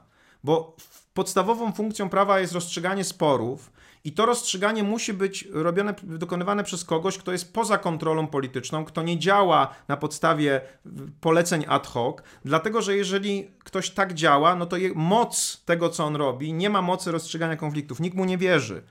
Tak, bo wie, że to jest sterowane w jakiś sposób, a więc zatracona jest funkcja tego, co prawo miało robić. Ale widać to dopiero wtedy, kiedy zderzymy się ze światem. Inny przykład. Mamy całą masę badań na świecie, które pokazują, że praworządność, niezależność sądownictwa, przez, y, czyli pewne elementy związane z otoczeniem prawnym, korelują bardzo blisko z rozwojem gospodarczym.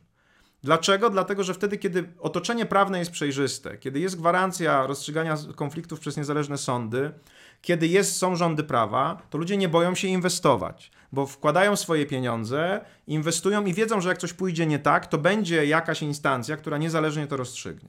Teraz, jeżeli ja jestem inwestorem zagranicznym i wiem, że w jakimś kraju nie ma praworządności, sędziowie są kontrolowani przez polityków, to ja nie wejdę w biznes, zwłaszcza taki, w którym ja wchodzę na przykład w relację gospodarczą ze skarbem państwa, bo wiem, że jeżeli coś pójdzie nie tak, ktoś mi zarzuci, nie wiem, to, że źle wykonałem, zbudowałem autostradę albo źle y, zbudowałem tunel pod autostradą, pod Ursynowem, no to ja ja nie będę miał do kogo pójść, żeby to rozstrzygnąć, bo ci ludzie, którzy mają to rozstrzygać, to są ludzie kontrolowani przez tych, z którymi ja mam spór. Tak? Używa się nieraz takiego przykładu y, sąsiada, który akurat należy do partii rządzącej. Jeżeli będę miał spór z takim sąsiadem, no, no, i on jest jakimś prominentnym politykiem partii rządzącej, a ta partia kontroluje sądy, to nie mam szansy na to, żeby z nim wybrać, wygrać spór, bo ci sędziowie słuchający tej partii zawsze będą po jego stronie. W związku z tym tak samo zachowuje się ten biznesmen i nie inwestuje, woli zainwestować w innym miejscu, w którym te warunki są spełnione. I tu znowu widać, że to jak rozumiemy praworządność, to nie jest tylko kwestia abstrakcji, kwestia struktury, kwestia naszego wewnętrznego przekonania. Że oto sobie ktoś wyjdzie i powie, no właściwie to nie wiemy, co znaczy praworządność, więc dlaczegoż by nie nadać temu słowu takie oto znaczenie? Właśnie, że mogą być sędziowie powołani przez polityków i jakoś tam przez nich y, sterowani, albo że sędziowie mają realizować interes, czy, czy, czy interes polityczny, rozumiany jako interes państwa, definiowany przez politykę. Otóż no, jest w Alicji z Krainie Czarów Humpty Dumpty, prawda? Właśnie taka postać, która mówi Alicji, słowa znaczą to, co ja chcę, żeby one znaczyły. No, często tego Humptiego się wykorzystuje właśnie jako taką trochę próbę ośmieszenia internalizmu i tego, że ten, kto mówi, sam nadaje znaczenia temu, tym słowom. No oczywiście to tak nie jest. Słowa mają znaczenia autonomiczne, niezależne. Dlaczego? Dlatego, że one działają w świecie. I tutaj już widzimy, że jeżeli ktoś na przykład zmieni znaczenie praworządności, zmieni znaczenie niezależności czy niezawisłości sędziego, to nagle okaże się, że świat nie działa tak, jak powinien. Właśnie dlatego, że nie ma inwestycji, spada ich poziom, spada liczba miejsc pracy, coś się dzieje nie tak z gospodarką i wiemy to, bo ekonomiści to badają. Korelacje pomiędzy stanem praworządności a tym, jak funkcjonuje gospodarka, czyli coś namacalnego. jest tylko jeden przykład, w którym my dochodzimy do wniosku, że to nie intencja, czyli internalizm, coś, co jest w głowie tego, kto mówi, decyduje o znaczeniu słów, ale raczej to, jak, w jakiej relacji te słowa pozostają z, rzeczywisto z rzeczywistością. Tu znowu Pers, który prawdopodobnie był może jednym z najgenialniejszych w ogóle współczesnych filozofów, niektórzy go nawet do Arystotelesa porównują, chociaż nie jest aż tak bardzo znany, stworzył takie pojęcie, które strasznie brzmi, ale jest bardzo pomocne, mianowicie pojęcie e, abstrakcji hipostatycznej. Nie musicie tego pamiętać, chodzi o to, żebyście zrozumieli, na czym to pojęcie polega. Mówi Pers, że my często jak widzimy jakieś zjawisko w świecie, ale nie jesteśmy pewni, czym ono jest, na czym ono polega, to już sobie je zaznaczamy taką metką, tak, takim, takim, tak, tak, takim, taką naklejką słowną, nazywamy je w jakiś sposób. I nieraz uda nam się nazwać coś, co rzeczywiście istnieje, a nieraz mamy pecha. Na przykład kiedyś, zanim odkryto tlen, to w historii nauki to jest bardzo często ten przykład y, podawany. Y, pewni uczeni doszli do wniosku, że każde ciało, które się spala, musi mieć w sobie substancję, która nazywa się flogiston. I ta substancja, flogiston, którą tak nazwano, no czyli w rozumieniu Persa ludzie chcieli sobie wyjaśnić to, jak następuje spalanie i sobie wyobrazili, że wszystko, co się spala, ma w sobie substancję, która jest wydalana, właśnie flogiston. No i ten flogiston jest największą pomyłką, jedną z największych pomyłek naukowych, bo oczywiście niczego takiego nie ma. Dopiero później, kiedy odkryto tlen, y, już było jasne, że spalanie jest pewną reakcją, a nie czymś, co się wydala. No, to było już jasne wcześniej, bo próbowano na przykład zważyć y, rzecz, która była przed spaleniem i po spaleniu, żeby udowodnić, że coś się z niej ulotniło i to nic nie dawało. Więc na przykład jak ludzie zaczęli używać słowa flogiston, to wydawało im się, że oznaczyli coś w świecie, co jest rzeczywiste, a to coś nie istniało. Niektórzy mówią, że prawniczym flogistonem było, były wiedźmy i czarownice i czarownicy. To znaczy, wydawało się, że istnieje coś takiego, że istnieje przestępstwo bycia czarownikiem czy wiedźmą. E, w związku z dlatego, że ktoś jest czarownikiem i wiedźmą, i wiemy, że były przecież procesy czarownic.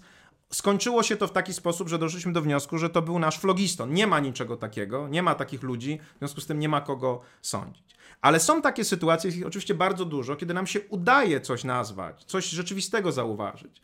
E, Pers mówi, że taką sytuacją była sytuacja, kiedy ktoś po raz pierwszy użył słowa elektryczność. Nazwał jakieś zjawisko w rzeczywistości słowem elektryczność, nie wiedząc do końca, jaka jest jego natura. I tu dochodzę do rzeczy bardzo istotnej, dlatego że co się później dzieje, mówi e, Pers, kiedy my jakby przyszpilimy coś w świecie, nazwiemy to jakoś, mimo że nie wiemy, jaka jest jego natura. Jesteśmy w stanie to badać. I praktyka na przykład fizyków bada to zjawisko, które myśmy nazwali elektrycznością, i pojęcie elektryczności wypełnia się treścią. I to jest bardzo ważne, bo zobaczcie, im dłużej oni badają, im dłużej, jak to Pers mówi, trwa tak zwana inquiry, czyli taka, taka, to, to badanie, to tym więcej informacji na temat tego, czym jest elektryczność, zbieramy. To pojęcie jest coraz pełniejsze, coraz precyzyjniejsze, lepiej nam pozwala radza, radzić sobie ze światem. Na przykład najpierw obserwujemy elektryczność w obszarze naturalnym przez wyładowania atmosferyczne, e, później jesteśmy w stanie nią zarządzać, wykorzystać ją jako prąd, prawda? Później mamy różne sposoby jeszcze jej wykorzystywania, produkowania z różnych miejsc. Lepiej panujemy nad światem, bo lepiej rozumiemy, czym jest elektryczność. I teraz na moment odejdźmy od tego, i wyobraźcie sobie, że praworządność, albo sprawiedliwość, albo równość zachowują się tak samo jak elektryczność. To znaczy, że myśmy kiedyś, albo ktoś bardzo mądry, tak, zauważył, że jest jakieś zjawisko w świecie społecznym i powiedział: O, to jest sprawiedliwe. A o innym zjawisku powiedział: To jest niesprawiedliwe. Na mocy tej, tej koncepcji abstrakcji hipostatycznej on nazwał coś, mimo że do końca nie wiedział być może, jakie są wszystkie atrybuty sprawiedliwości, równości, praworządności. Mógł tego nie wiedzieć ale udało mu się coś przyszpilić i przez praktykę społeczną, w tym przypadku praktyków, etyków, filozofów, my przez wieki próbujemy wypełnić ideę sprawiedliwości jakim, jakąś treścią, ideę równości, praworządności. I ktoś może powiedzieć, no tak, ale i tak robicie to internalistycznie. Czy każdy sobie wymyśla, co znaczy sprawiedliwość, każdy sobie wymyśla, co znaczy równość i się tylko kłócicie y, na gruncie internalistycznym, bo każdy w głowie ma inne znaczenie. Ale to nie jest jedyne podejście.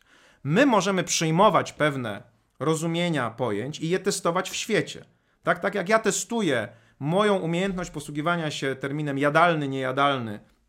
Na przykład jestem na bezludnej wyspie, trafiam tam i widzę jakiś owoc, którego nie znam. I nie wiem, czy on jest yy, trujący, czy jadalny. No to, to ja mogę sobie myśleć o tym w mojej internalistycznej głowie latami, aż umrę z głodu i nie wymyślę, jaki on jest. Muszę przetestować, muszę pooglądać rzeczywistość. Czy na przykład inne zwierzęta jedzą ten owoc, prawda? Najlepiej takie, które są najbardziej do mnie podobne, czyli na przykład czy ssaki jedzą ten owoc. Ale jak ptak je, to prawdopodobnie też ja się nie otruję. Muszę przetestować i wtedy dopiero mogę, mogę mieć przekonanie, czy mój sposób posługiwania się terminami jadalny, trujący jest sensowny, czy mi pozwala przeżyć.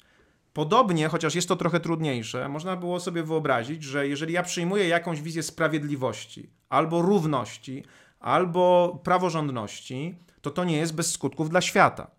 Popatrzcie na sprawę segregacji rasowej. Ktoś przyjął w Stanach Zjednoczonych taką wizję równości, która była no dziwna, my teraz już wiemy. Biali są w lepszej sytuacji, czarni są w gorszej sytuacji. Ale mimo wszystko ktoś uznał, że to jest uzasadnione, bo uważał, że kolor skóry jest cechą istotną chociaż nie jest, prawda? Dla celów edukacji, dla innych i w ogóle dla żadnych celów nie jest y, cechą istotną. Ale ktoś taką przyjął sobie wizję równości, w której mieściła się desegre- y, przepraszam, segregacja rasowa. No i nagle po iluś tam latach ludzie zauważyli, że to po prostu w świecie nie działa. Dlaczego nie działa? No bo właśnie te biedne dzieci, które chodzą do szkół, które są mm, szkołami dla czarnych, dzieci są gorzej wykształcone, nie radzą sobie tak dobrze w społeczeństwie, nie odnoszą sukcesów, pozostają w biedzie i tak dalej. To, jak powiedziałem, była ta narracja Civil Rights Movement, gdzie ci ludzie przyszli i powiedzieli: Nie chodzi nam o to, co powiedział prawodawca. Nie chodzi nam o to, czy to jest rozkaz, czy to nie jest rozkaz. Chodzi nam o to, jakie są skutki w rzeczywistości. No i sąd dał się przekonać, że coś, co powoduje takie skutki, nie może być równością.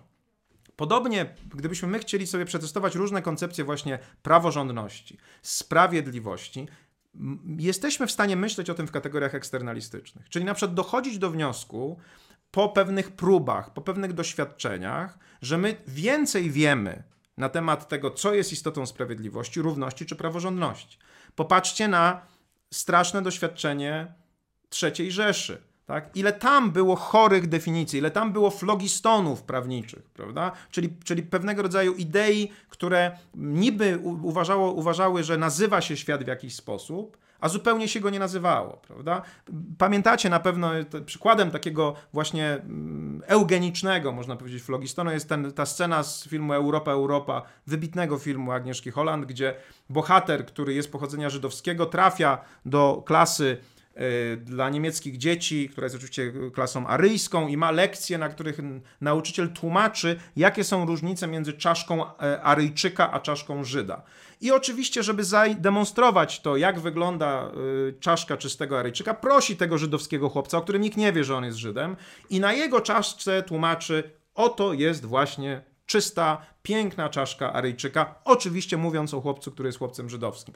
To pokazuje, że te kategorie Aryjczyk, Żyd stosowane na przykład do opisu biologicznego zupełnie nieadekwatne, są właśnie flogistonami, są puste, niczego nie nazywają.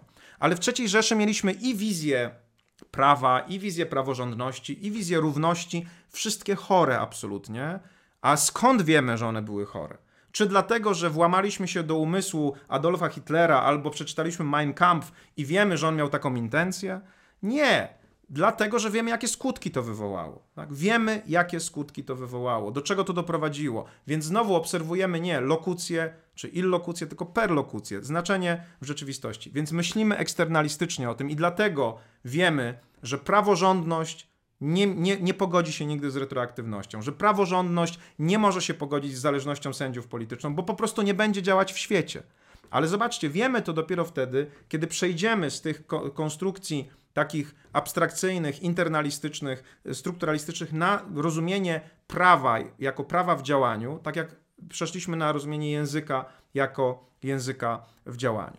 I to mnie prowadzi jeszcze do jednej tezy, bo jeżeli ma rację Pers z tą swoją abstrakcją hipostatyczną, że my jak gdyby zaczynamy nazywanie świata bez pełnej świadomości tego, co dane terminy znaczą, a więc jaka jest treść naszych pojęć, ale później przez doświadczanie rzeczywistości one nam się tą treścią wypełniają, no to teraz wracam do naszego rozważania co do tego, czy my powinniśmy tekst prawny interpretować dynamicznie, czyli według tego, jak teraz rozumiemy słowa, czy jednak statycznie, jak było to rozumiane wtedy, kiedy on został uchwalony.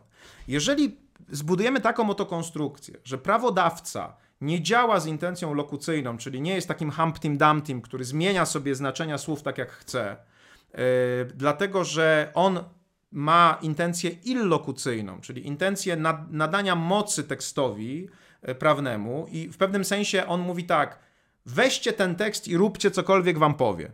Tak? To, co z niego będzie wynikać. Joseph Raz stworzył taką koncepcję minimalnej intencji legislacyjnej, w której mówi, ja chcę, żeby ten tekst kierował waszymi postępowaniami. Tak? Yy, czyli czyli to, to jest taka wizja, w której prawodawca może nawet, gdyby był bardzo wnikliwy i taki bardzo precyzyjny i uczciwy, to by powiedział tak, ja ten tekst jakoś rozumiem, ale ja nie jestem Bogiem Wszechmogącym, żeby dokładnie wiedzieć, co on znaczy. Chciałem przez ten tekst coś y, osiągnąć, tak jak y, jeżeli jestem inwestorem przez projekt budowlany, chcę coś osiągnąć. Rozumiem, że jego rozumienie tego tekstu może być trochę inne przez tego, kto odbierze, ale to jest jedyny znak, którym my możemy jakoś skorelować nasze działanie. Bo jak ja usiądę naprzeciwko ciebie, ja inwestor, a ty jesteś budowniczym, albo ja prawodawca, a ty jesteś prawnikiem i powiem, słuchaj, połącz się ze mną telepatycznie, bo ja teraz właśnie myślę o tym, co powinieneś zrobić, to z tego nic nie wyjdzie, bo komunikacja musi być zapośredniczona przez znak, a znak żyje, jest w pewnym sensie autonomiczny. On zaczyna żyć swoim własnym życiem. Dlaczego? Dlatego, że napełnia się treścią z biegiem czasu. Tak jak wiemy coraz więcej o elektryczności, wiemy coraz więcej o sprawiedliwości, wiemy coraz więcej o równości, tak samo jest z większością znaków, zwłaszcza prawniczych. Zobaczcie, jeżeli chcemy odpowiedzieć sobie na pytanie, co jest okrutne, no to też przecież może ludzie, którzy żyli w XVIII y, wieku, może mam nadzieję, że uważali, że nie wiem, łamanie kołem albo nie wiem, rozerwanie przez konie jest, jest okrutne. Mam nadzieję, ale na pewno nie uważali, że pozbawianie snu jest okrutne, prawda? Kowboje nie spali, w ogóle tam nie myśleli o tym, prawda? Twardzi faceci, kowbojki pewnie też były, twarde kobiety w ogóle o tym nie myśleli. Natomiast my teraz już wiemy dzięki badaniom psychologicznym, że na przykład długotrwałe pozbawianie snu jest torturą. Także może prowadzić do, do choroby psychicznej. No więc my, to jest właśnie to, co Pers nazywa inquiry, które rozpoczęło się od jakiejś abstrakcji hipostatycznej. Ktoś nazwał coś okrutnym, stworzył rzeczownik okrucieństwo, ale z biegiem lat, z biegiem rozwoju nauki, badania świata, doświadczenia, my po prostu wiemy więcej na temat tego, czy coś jest okrutne, czy nie. No i teraz powstaje pytanie, czy jak my interpretujemy słowo okrutny, na przykład w amerykańskiej konstytucji, to mimo tego, że mamy większą wiedzę na temat tego, co jest y, okrutne, my mamy się trzymać tego, co za okrutne uznawali ojcowie założyciele Stanów Zjednoczonych. Tak? To, biorąc pod uwagę y, te, te, te, te starsze wizje prawa, czyli strukturalizm, oralność i, i, internalizm, wydaje się nawet sensowne, tak? bo my mówimy, ci ludzie mieli coś w głowie, coś chcieli wyrazić, y, zrobili to tam i tam ten moment jest dla nas wiążący. Ale jeżeli przejdziemy na te drugie części tych dzisiejszych y, y, opozycji, o których mówię, czyli powiemy sobie tak, prawo jest językiem pisanym, a więc musi być rozumiane w kategoriach diachronicznych. Gdzieś został nadany ten tekst i on działa tutaj. Musi być ono rozumiane w kategoriach zdarzenia, dlatego że ono się jest pewną praktyką. I musimy patrzeć na to, co się dzieje w rzeczywistości zewnętrznej, a nie tylko w głowach ludzi. No to nagle okazuje się, że my możemy sobie wyobrazić proces prawodawczy w sposób następujący. Prawodawca nadaje moc prawa tekstowi, który ma swoje autonomiczne znaczenie, wynikające z dotychczasowej praktyki używania języka i wiedzy na temat tego, co ten język znaczy, czyli co jest sprawiedliwe, co jest równe, co jest okrutne. Ale ten tekst, on nie ma rządzić tylko tym momentem, w którym został uchwalony. Ma rządzić każdym następnym momentem, dopóki ten tekst nie zostanie uchylony. A więc jego skutki perlokucyjne mają się y, dokonywać w następnych momentach czasowych, aż do naszego momentu, bo przecież prawo tutaj też działa. Jest taka koncepcja amerykańska the law is always speaking, że prawo zawsze mówi, jak gdyby. Ona, ono moim zdaniem wynika właśnie z tego przekonania, tutaj już się pojawia pewna świadomość, że to nie jest tak, że prawo raz się wypowiedziało. Ona ciągle jak gdyby adresuje naszą rzeczywistość i to pokazuje, jak nieadekwatne jest umieszczenie tego tego, tego, co się zdarzyło w prawie tylko w tym jednym momencie nadania. Więc jeżeli przyjmiemy tę wizję y, wynikającą z tych opozycji, to możemy sobie powiedzieć rzecz następującą. To nie intencja semantyczna, lokucyjna prawodawcy decyduje o tym, co prawo znaczy. On tylko nadał pewnemu tekstowi moc prawa. To była intencja illokucyjna. On powiedział, niech to będzie rozkazem. Róbcie to, co ten tekst wam powie, tak jak mówię budowniczemu, buduj to, co ten projekt ci powie. I teraz Ci, którzy następnie interpretują ten tekst, oni, jeżeli są w innym momencie czasowym, są bogatsi o pewną praktykę, która wypełniła treści, które są zawarte w tym tekście, e, na nowo, znaczy pewnymi, pewnymi doświadczeniami. My lepiej wiemy dzisiaj, co jest okrutne, co jest sprawiedliwe. Tutaj mamy pewien, pewien problem, ale na przykład co jest treścią równości. Wiemy, że na przykład segregacja rasowa już się w nim nie mieści. Wiemy, wiemy także, jesteśmy w stanie wypełniać inne pojęcia, mamy więcej praktyki. W związku z tym, jeżeli my potraktujemy jeszcze dodatkowo ten tekst nie jako list, wysłany tam kiedyś, który miał się zrealizować tam kiedyś, tylko właśnie jako mapę, jako coś, co wpływa na nasze działania tu i teraz i ma mieć skutki tu i teraz, to wydaje się, że lepszym podejściem, sensowniejszym podejściem jest nadanie tym słowom treści współczesnej, uwspółcześnienie jej. I to pokazuje to, co powiedziałem na początku, że jeżeli my właściwie będziemy rozumieli język, to przejdziemy prawdopodobnie w prawie, które też dzięki temu będziemy lepiej rozumieli, z perspektywy patrzenia statycznego na perspektywę patrzenia e, e, dynamicznego. Oczywiście ktoś powie, e, z tym są związane pewne ryzyka, polegające na tym, że to nie prawodawca będzie decydował o tym, jak wygląda świat, tylko prawnik. Taka krytyka jest oczywiście w jakimś tam sensie uzasadniona, jeżeli nie ma metodologii ustalania tego, co znaczą nasze słowa. Jeżeli się myśli, jeżeli chce się tworzyć ideę y, wykładni dynamicznej, pozostając przy tych starych założeniach, że to intencja prawodawcy, ta semantyczna, rządzi tym, co my mamy robić, to to jest sprzeczność. Można powiedzieć, jeżeli ktoś uznaje, że intencja prawodawcy semantyczna rządzi znaczeniem tekstu, to nie zbuduje koncepcji sensownej, dynamicznej koncepcji wykładni, bo też nie będzie miał żadnego, żadnej metodologii dotyczącej tego, jak sprawdzać, jak się zmieniło Y, dane słowo. Właściwie można powiedzieć, że wtedy subiektywizm prawodawcy zastąpi subiektywizm prawnika. Intencja prawodawcy zostanie zastąpiona przez intencję prawnika. Natomiast eksternalizm to prawo jako zdarzenie, koncepcja semiozy Persa i to, że znaki i symbole rosną, jak on to mówi, w treść, pozwala nam znaleźć pewną metodologię. Zresztą intuicyjnie sędziowie ją stosują. Na przykład, jeżeli sędziowie chcą zastosować pewne rozumienie równości, proporcjonalności, mają taką naturalną tendencję, żeby pokazywać, jak ono było rozumiane dotychczasowo, pokazywać pewną ewolucję.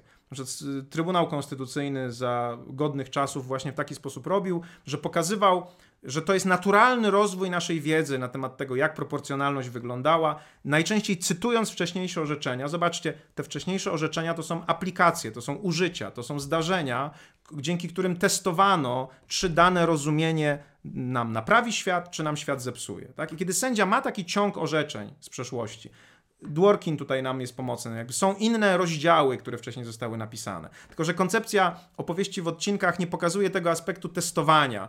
Ja wolę raczej myśleć o tym jako o takiej właśnie linearzu, pewnym ciągu zastosowań, gdzie ludzie mogli się przekonać, które zastosowania, które nazwania świata, na przykład to jest sprawiedliwe, to jest równe, to jest nierówne, dały dobry skutek, a które dały zły skutek. Dlatego współcześnie sędziowie nigdy nie cytują orzeczenia w sprawie Plessy, które mówiło, że segregacja rasowa jest ok, tylko orzeczenie w sprawie Brown, które mówiło, że jest nie ok, dlatego że ono jest uznawane za właściwe zastosowanie koncepcji równości.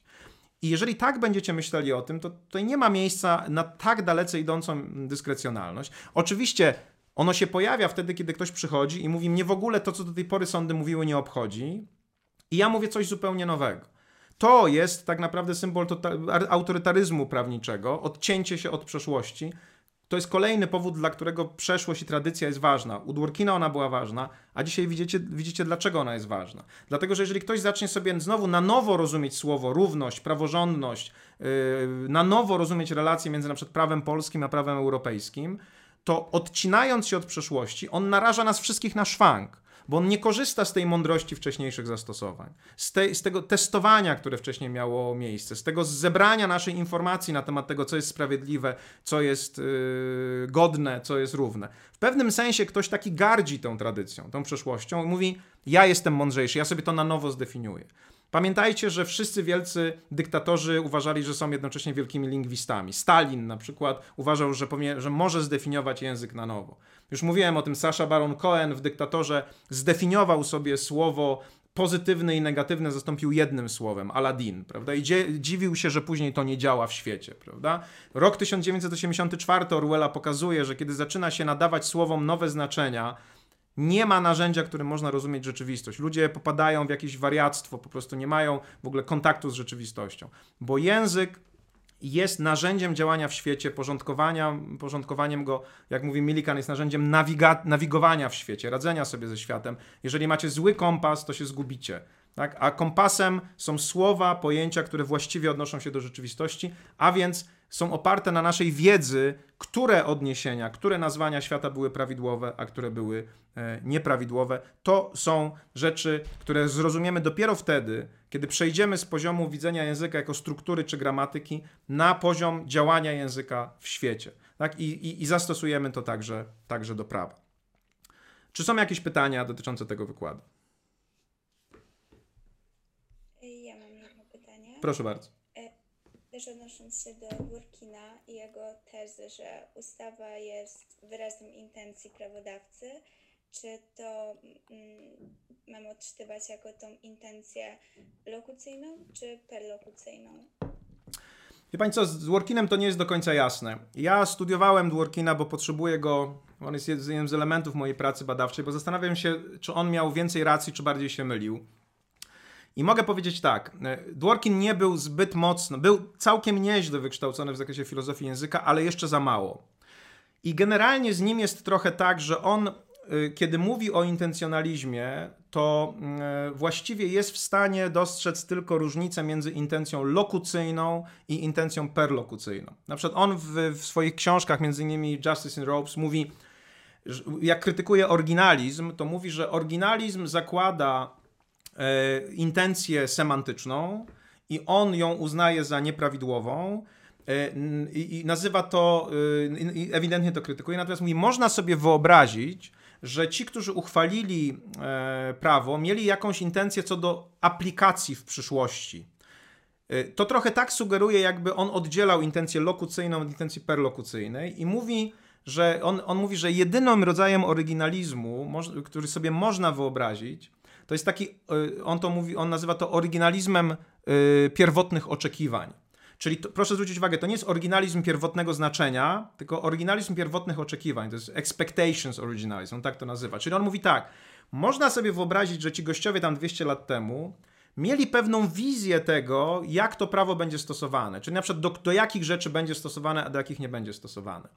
I my możemy, powinniśmy to wziąć pod uwagę, bo to nam mimo wszystko odrywa to trochę od tego rozumienia pierwotnego i przenosi i pozwala nam na przykład prowadzić to, o czym mówi o czym mówi e, Dworkin, czyli taką interpretację e, e, opartą o integrity, czyli taką, którą uwzględnia moralność, oczywiście aktualną moralność, więc można powiedzieć, że u Dworkina jest tak, odpowiadając na Pani pytanie. Kiedy on mówi o intencjach, to trzeba zbadać, czy akurat jest w trybie krytyki oryginalizmu, bo wtedy może nieraz mówić o intencjach semantycznych i moim zdaniem on je krytykuje, czy pokazuje, że jest pewna wersja oryginalizmu, która da się pogodzić z jego koncepcją, czyli ten oryginalizm pierwotnych oczekiwań, czyli pewna wizja tego, jak prawo będzie stosowane. Moim zdaniem należy to zdefiniować jako intencję perlokucyjną i godzi to z przekonaniem, że sędziowie współcześnie mogą na przykład takiemu y, pojęciu jak cruel, okru, okrutna kara, nadać współczesne rozumienie, bo nie są związani intencją semantyczną, tylko jakimiś wyobrażeniami na temat aplikacji i mogą uznać, że jeżeli ci ludzie pierwotnie chcieli, żeby do pewnego przypadku 1, 2, 3 było stosowane słowo okrutny, to my możemy się zastanowić, co jest wspólne w tych przypadkach i zastanowić się, czy na podstawie naszej współczesnej wiedzy jakieś inne zjawiska, na przykład, nie wiem, właśnie podtapianie czy pozbawianie snu ma takie same cechy. Więc Dworkin moim zdaniem tak, tak, tak tu się posługuje. On ewidentnie krytykuje oryginalizm jako statyczną koncepcję i otwiera drogę dla koncepcji dynamicznej i ewidentnie jest traktowany jako filozof, który wspiera dynamiczną interpretację interpretację prawa. Czy jeszcze jakieś pytania Państwo mają? Tak, ja mam pytanie. Ja chciałem zapytać, czy y, y, pojęcie abstrakcji hipostatycznej można użyć niejako odwrotnie? Czy można powiedzieć, że tyczy się to też tak, że na przykład młodej osoby, która poznaje nowy termin, nie do końca zna jeszcze jego znaczenie i z biegiem tego, jak poszerza swoje doświadczenie życiowe, te, te znaczenie tego słowa buduje się w jej głowie? Tak, można o tym tak myśleć, dlatego że nie ma w ogóle innego sposobu. Znaczy, najnowsza nasza, wie, najnowsza nasza wiedza dotycząca tego, jak my jakby gromadzimy wiedzę na temat pojęć, jest taka, że to się dzieje indywidualnie, na podstawie osobistych doświadczeń, no ale także na podstawie uczenia, prawda? E, e, to nie musi pan dotknąć gorącego pieca, albo nie musi pan dotknąć, dotknąć druta pod napięciem, żeby wiedzieć, że tam jest prąd, albo że pana porazi, albo oparzy, prawda? Ktoś może panu to powiedzieć, to jest moc języka. W związku z tym ewidentnie jest tak, tylko nie, nie, nie, do końca rozumiem, dlaczego pan mówi, że to byłoby odwrotne. No bo, no bo to też jest jakiś proces, którym, jak rozumiem z pana pytania, ja zaczynam od tego, że mam mało wiedzy, prawda? Ale z biegiem czasu ona rośnie, prawda? Czyli ta koncepcja rośnięcia znaków, która jest u, u Persa, ona następuje. Czemu, dlaczego byśmy mieli to nazywać, że to jest odwrotne? Zrozumiałem to w ten sposób, że ogólnie pojęcie tej abstrakcji hipostatycznej tyczy się tak jakby wspólnej wiedzy dla wszystkich. A, okej, okay. no to widzi pan, to dobrze, że pan o to pyta, to, to ja byłem pewnie nieprecyzyjny tutaj. To jest tak, że, że, że, no, że my zbieramy tę wiedzę indywidualnie, no każdy badacz też zbiera indywidualnie, ale dzięki wspaniałemu wynalazkowi języka jesteśmy w stanie się tym podzielić, prawda? Więc okej, okay, to teraz już rozumiem. Więc ja bym odpowiedział na to pytanie w taki sposób. To jest taki sam proces, tylko on jest indywidualny, tak?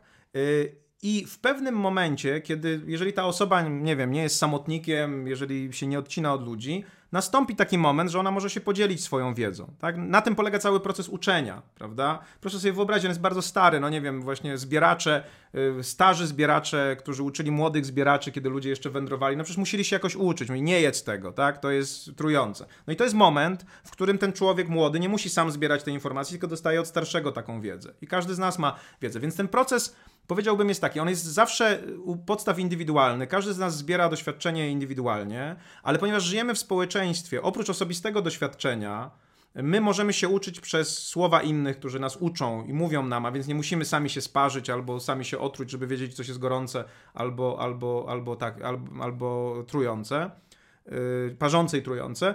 Krótko mówiąc, to jest proces indywidualny, ale potem na, y, odbywa się dzielenie. No, no, i ten proces, który Pers opisuje, jest dokładnie taki sam. Badacz bada elektryczność, pisze y, artykuł naukowy i wszyscy już dzięki temu coś wiedzą, prawda? Lekarz odkrywa szczepionkę, y, pisze, no i ludzie wiedzą na przykład, jaka jest istota wirusa, prawda? Do tej pory nie wiedzieli. Także on jest indywidualny, a później dzięki dzieleniu się, procesowi uczenia się staje się, staje się społeczny, y, uwspólniony. Dziękuję. Czy jeszcze jakieś pytania z Państwa strony? Dobrze, proszę Państwa, jeżeli nie ma pytań, to dziękuję w takim razie za dzisiejsze spotkanie. E, nie podsumowałem tego wykładu, więc tylko jedno słowo na końcu, jedno zdanie na koniec. Jego celem było pokazanie, że musimy zmienić nasze myślenie o języku, bo jest trochę przestarzałe jako prawnicy i powinniśmy się wsłuchiwać w to, co nam mówią filozofowie języka, filozofowie umysłu i kognitywiści, dlatego że im lepiej zrozumiemy, jak działa język, tym lepiej będziemy rozumieli, jak działa prawo. I pokazałem Państwu kilka takich przykładów, które, którym, do których mi się udało dotrzeć, które moim zdaniem są dosyć przekonujące. Jeżeli je uwzględnimy, to wtedy to, co myślimy na temat prawa, będzie po prostu bardziej adekwatne do rzeczywistości. Do niektórych z tych elementów będziemy oczywiście jeszcze wracać. Dziękuję bardzo za dzisiejsze spotkanie. Y, Za tydzień nie mamy wykładu, bo pan dziekan ogłosił y, godziny dziekańskie, więc życzę Państwu spokojnych, zdrowych świąt y, i lepszego nowego roku bez kwarantanny, bez choroby, bez izolacji, tak żebyśmy mogli wreszcie normalnie żyć i bez zdalnych wykładów, chociaż mam małą nadzieję, że tak będzie. Wszystkiego dobrego, dziękuję bardzo. Jeżeli zainteresowały Was tematy, o których mówiłem, zachęcam do tego, ażebyście włączyli się do dyskusji. Zostawcie koniecznie komentarz, przedstawcie swoją opinię. Możecie także zdecydować się na subskrypcję tego kanału. Będzie mi bardzo miło, bo wtedy będziecie mieć łatwiejszy dostęp do kolejnych odcinków. Zachęcam.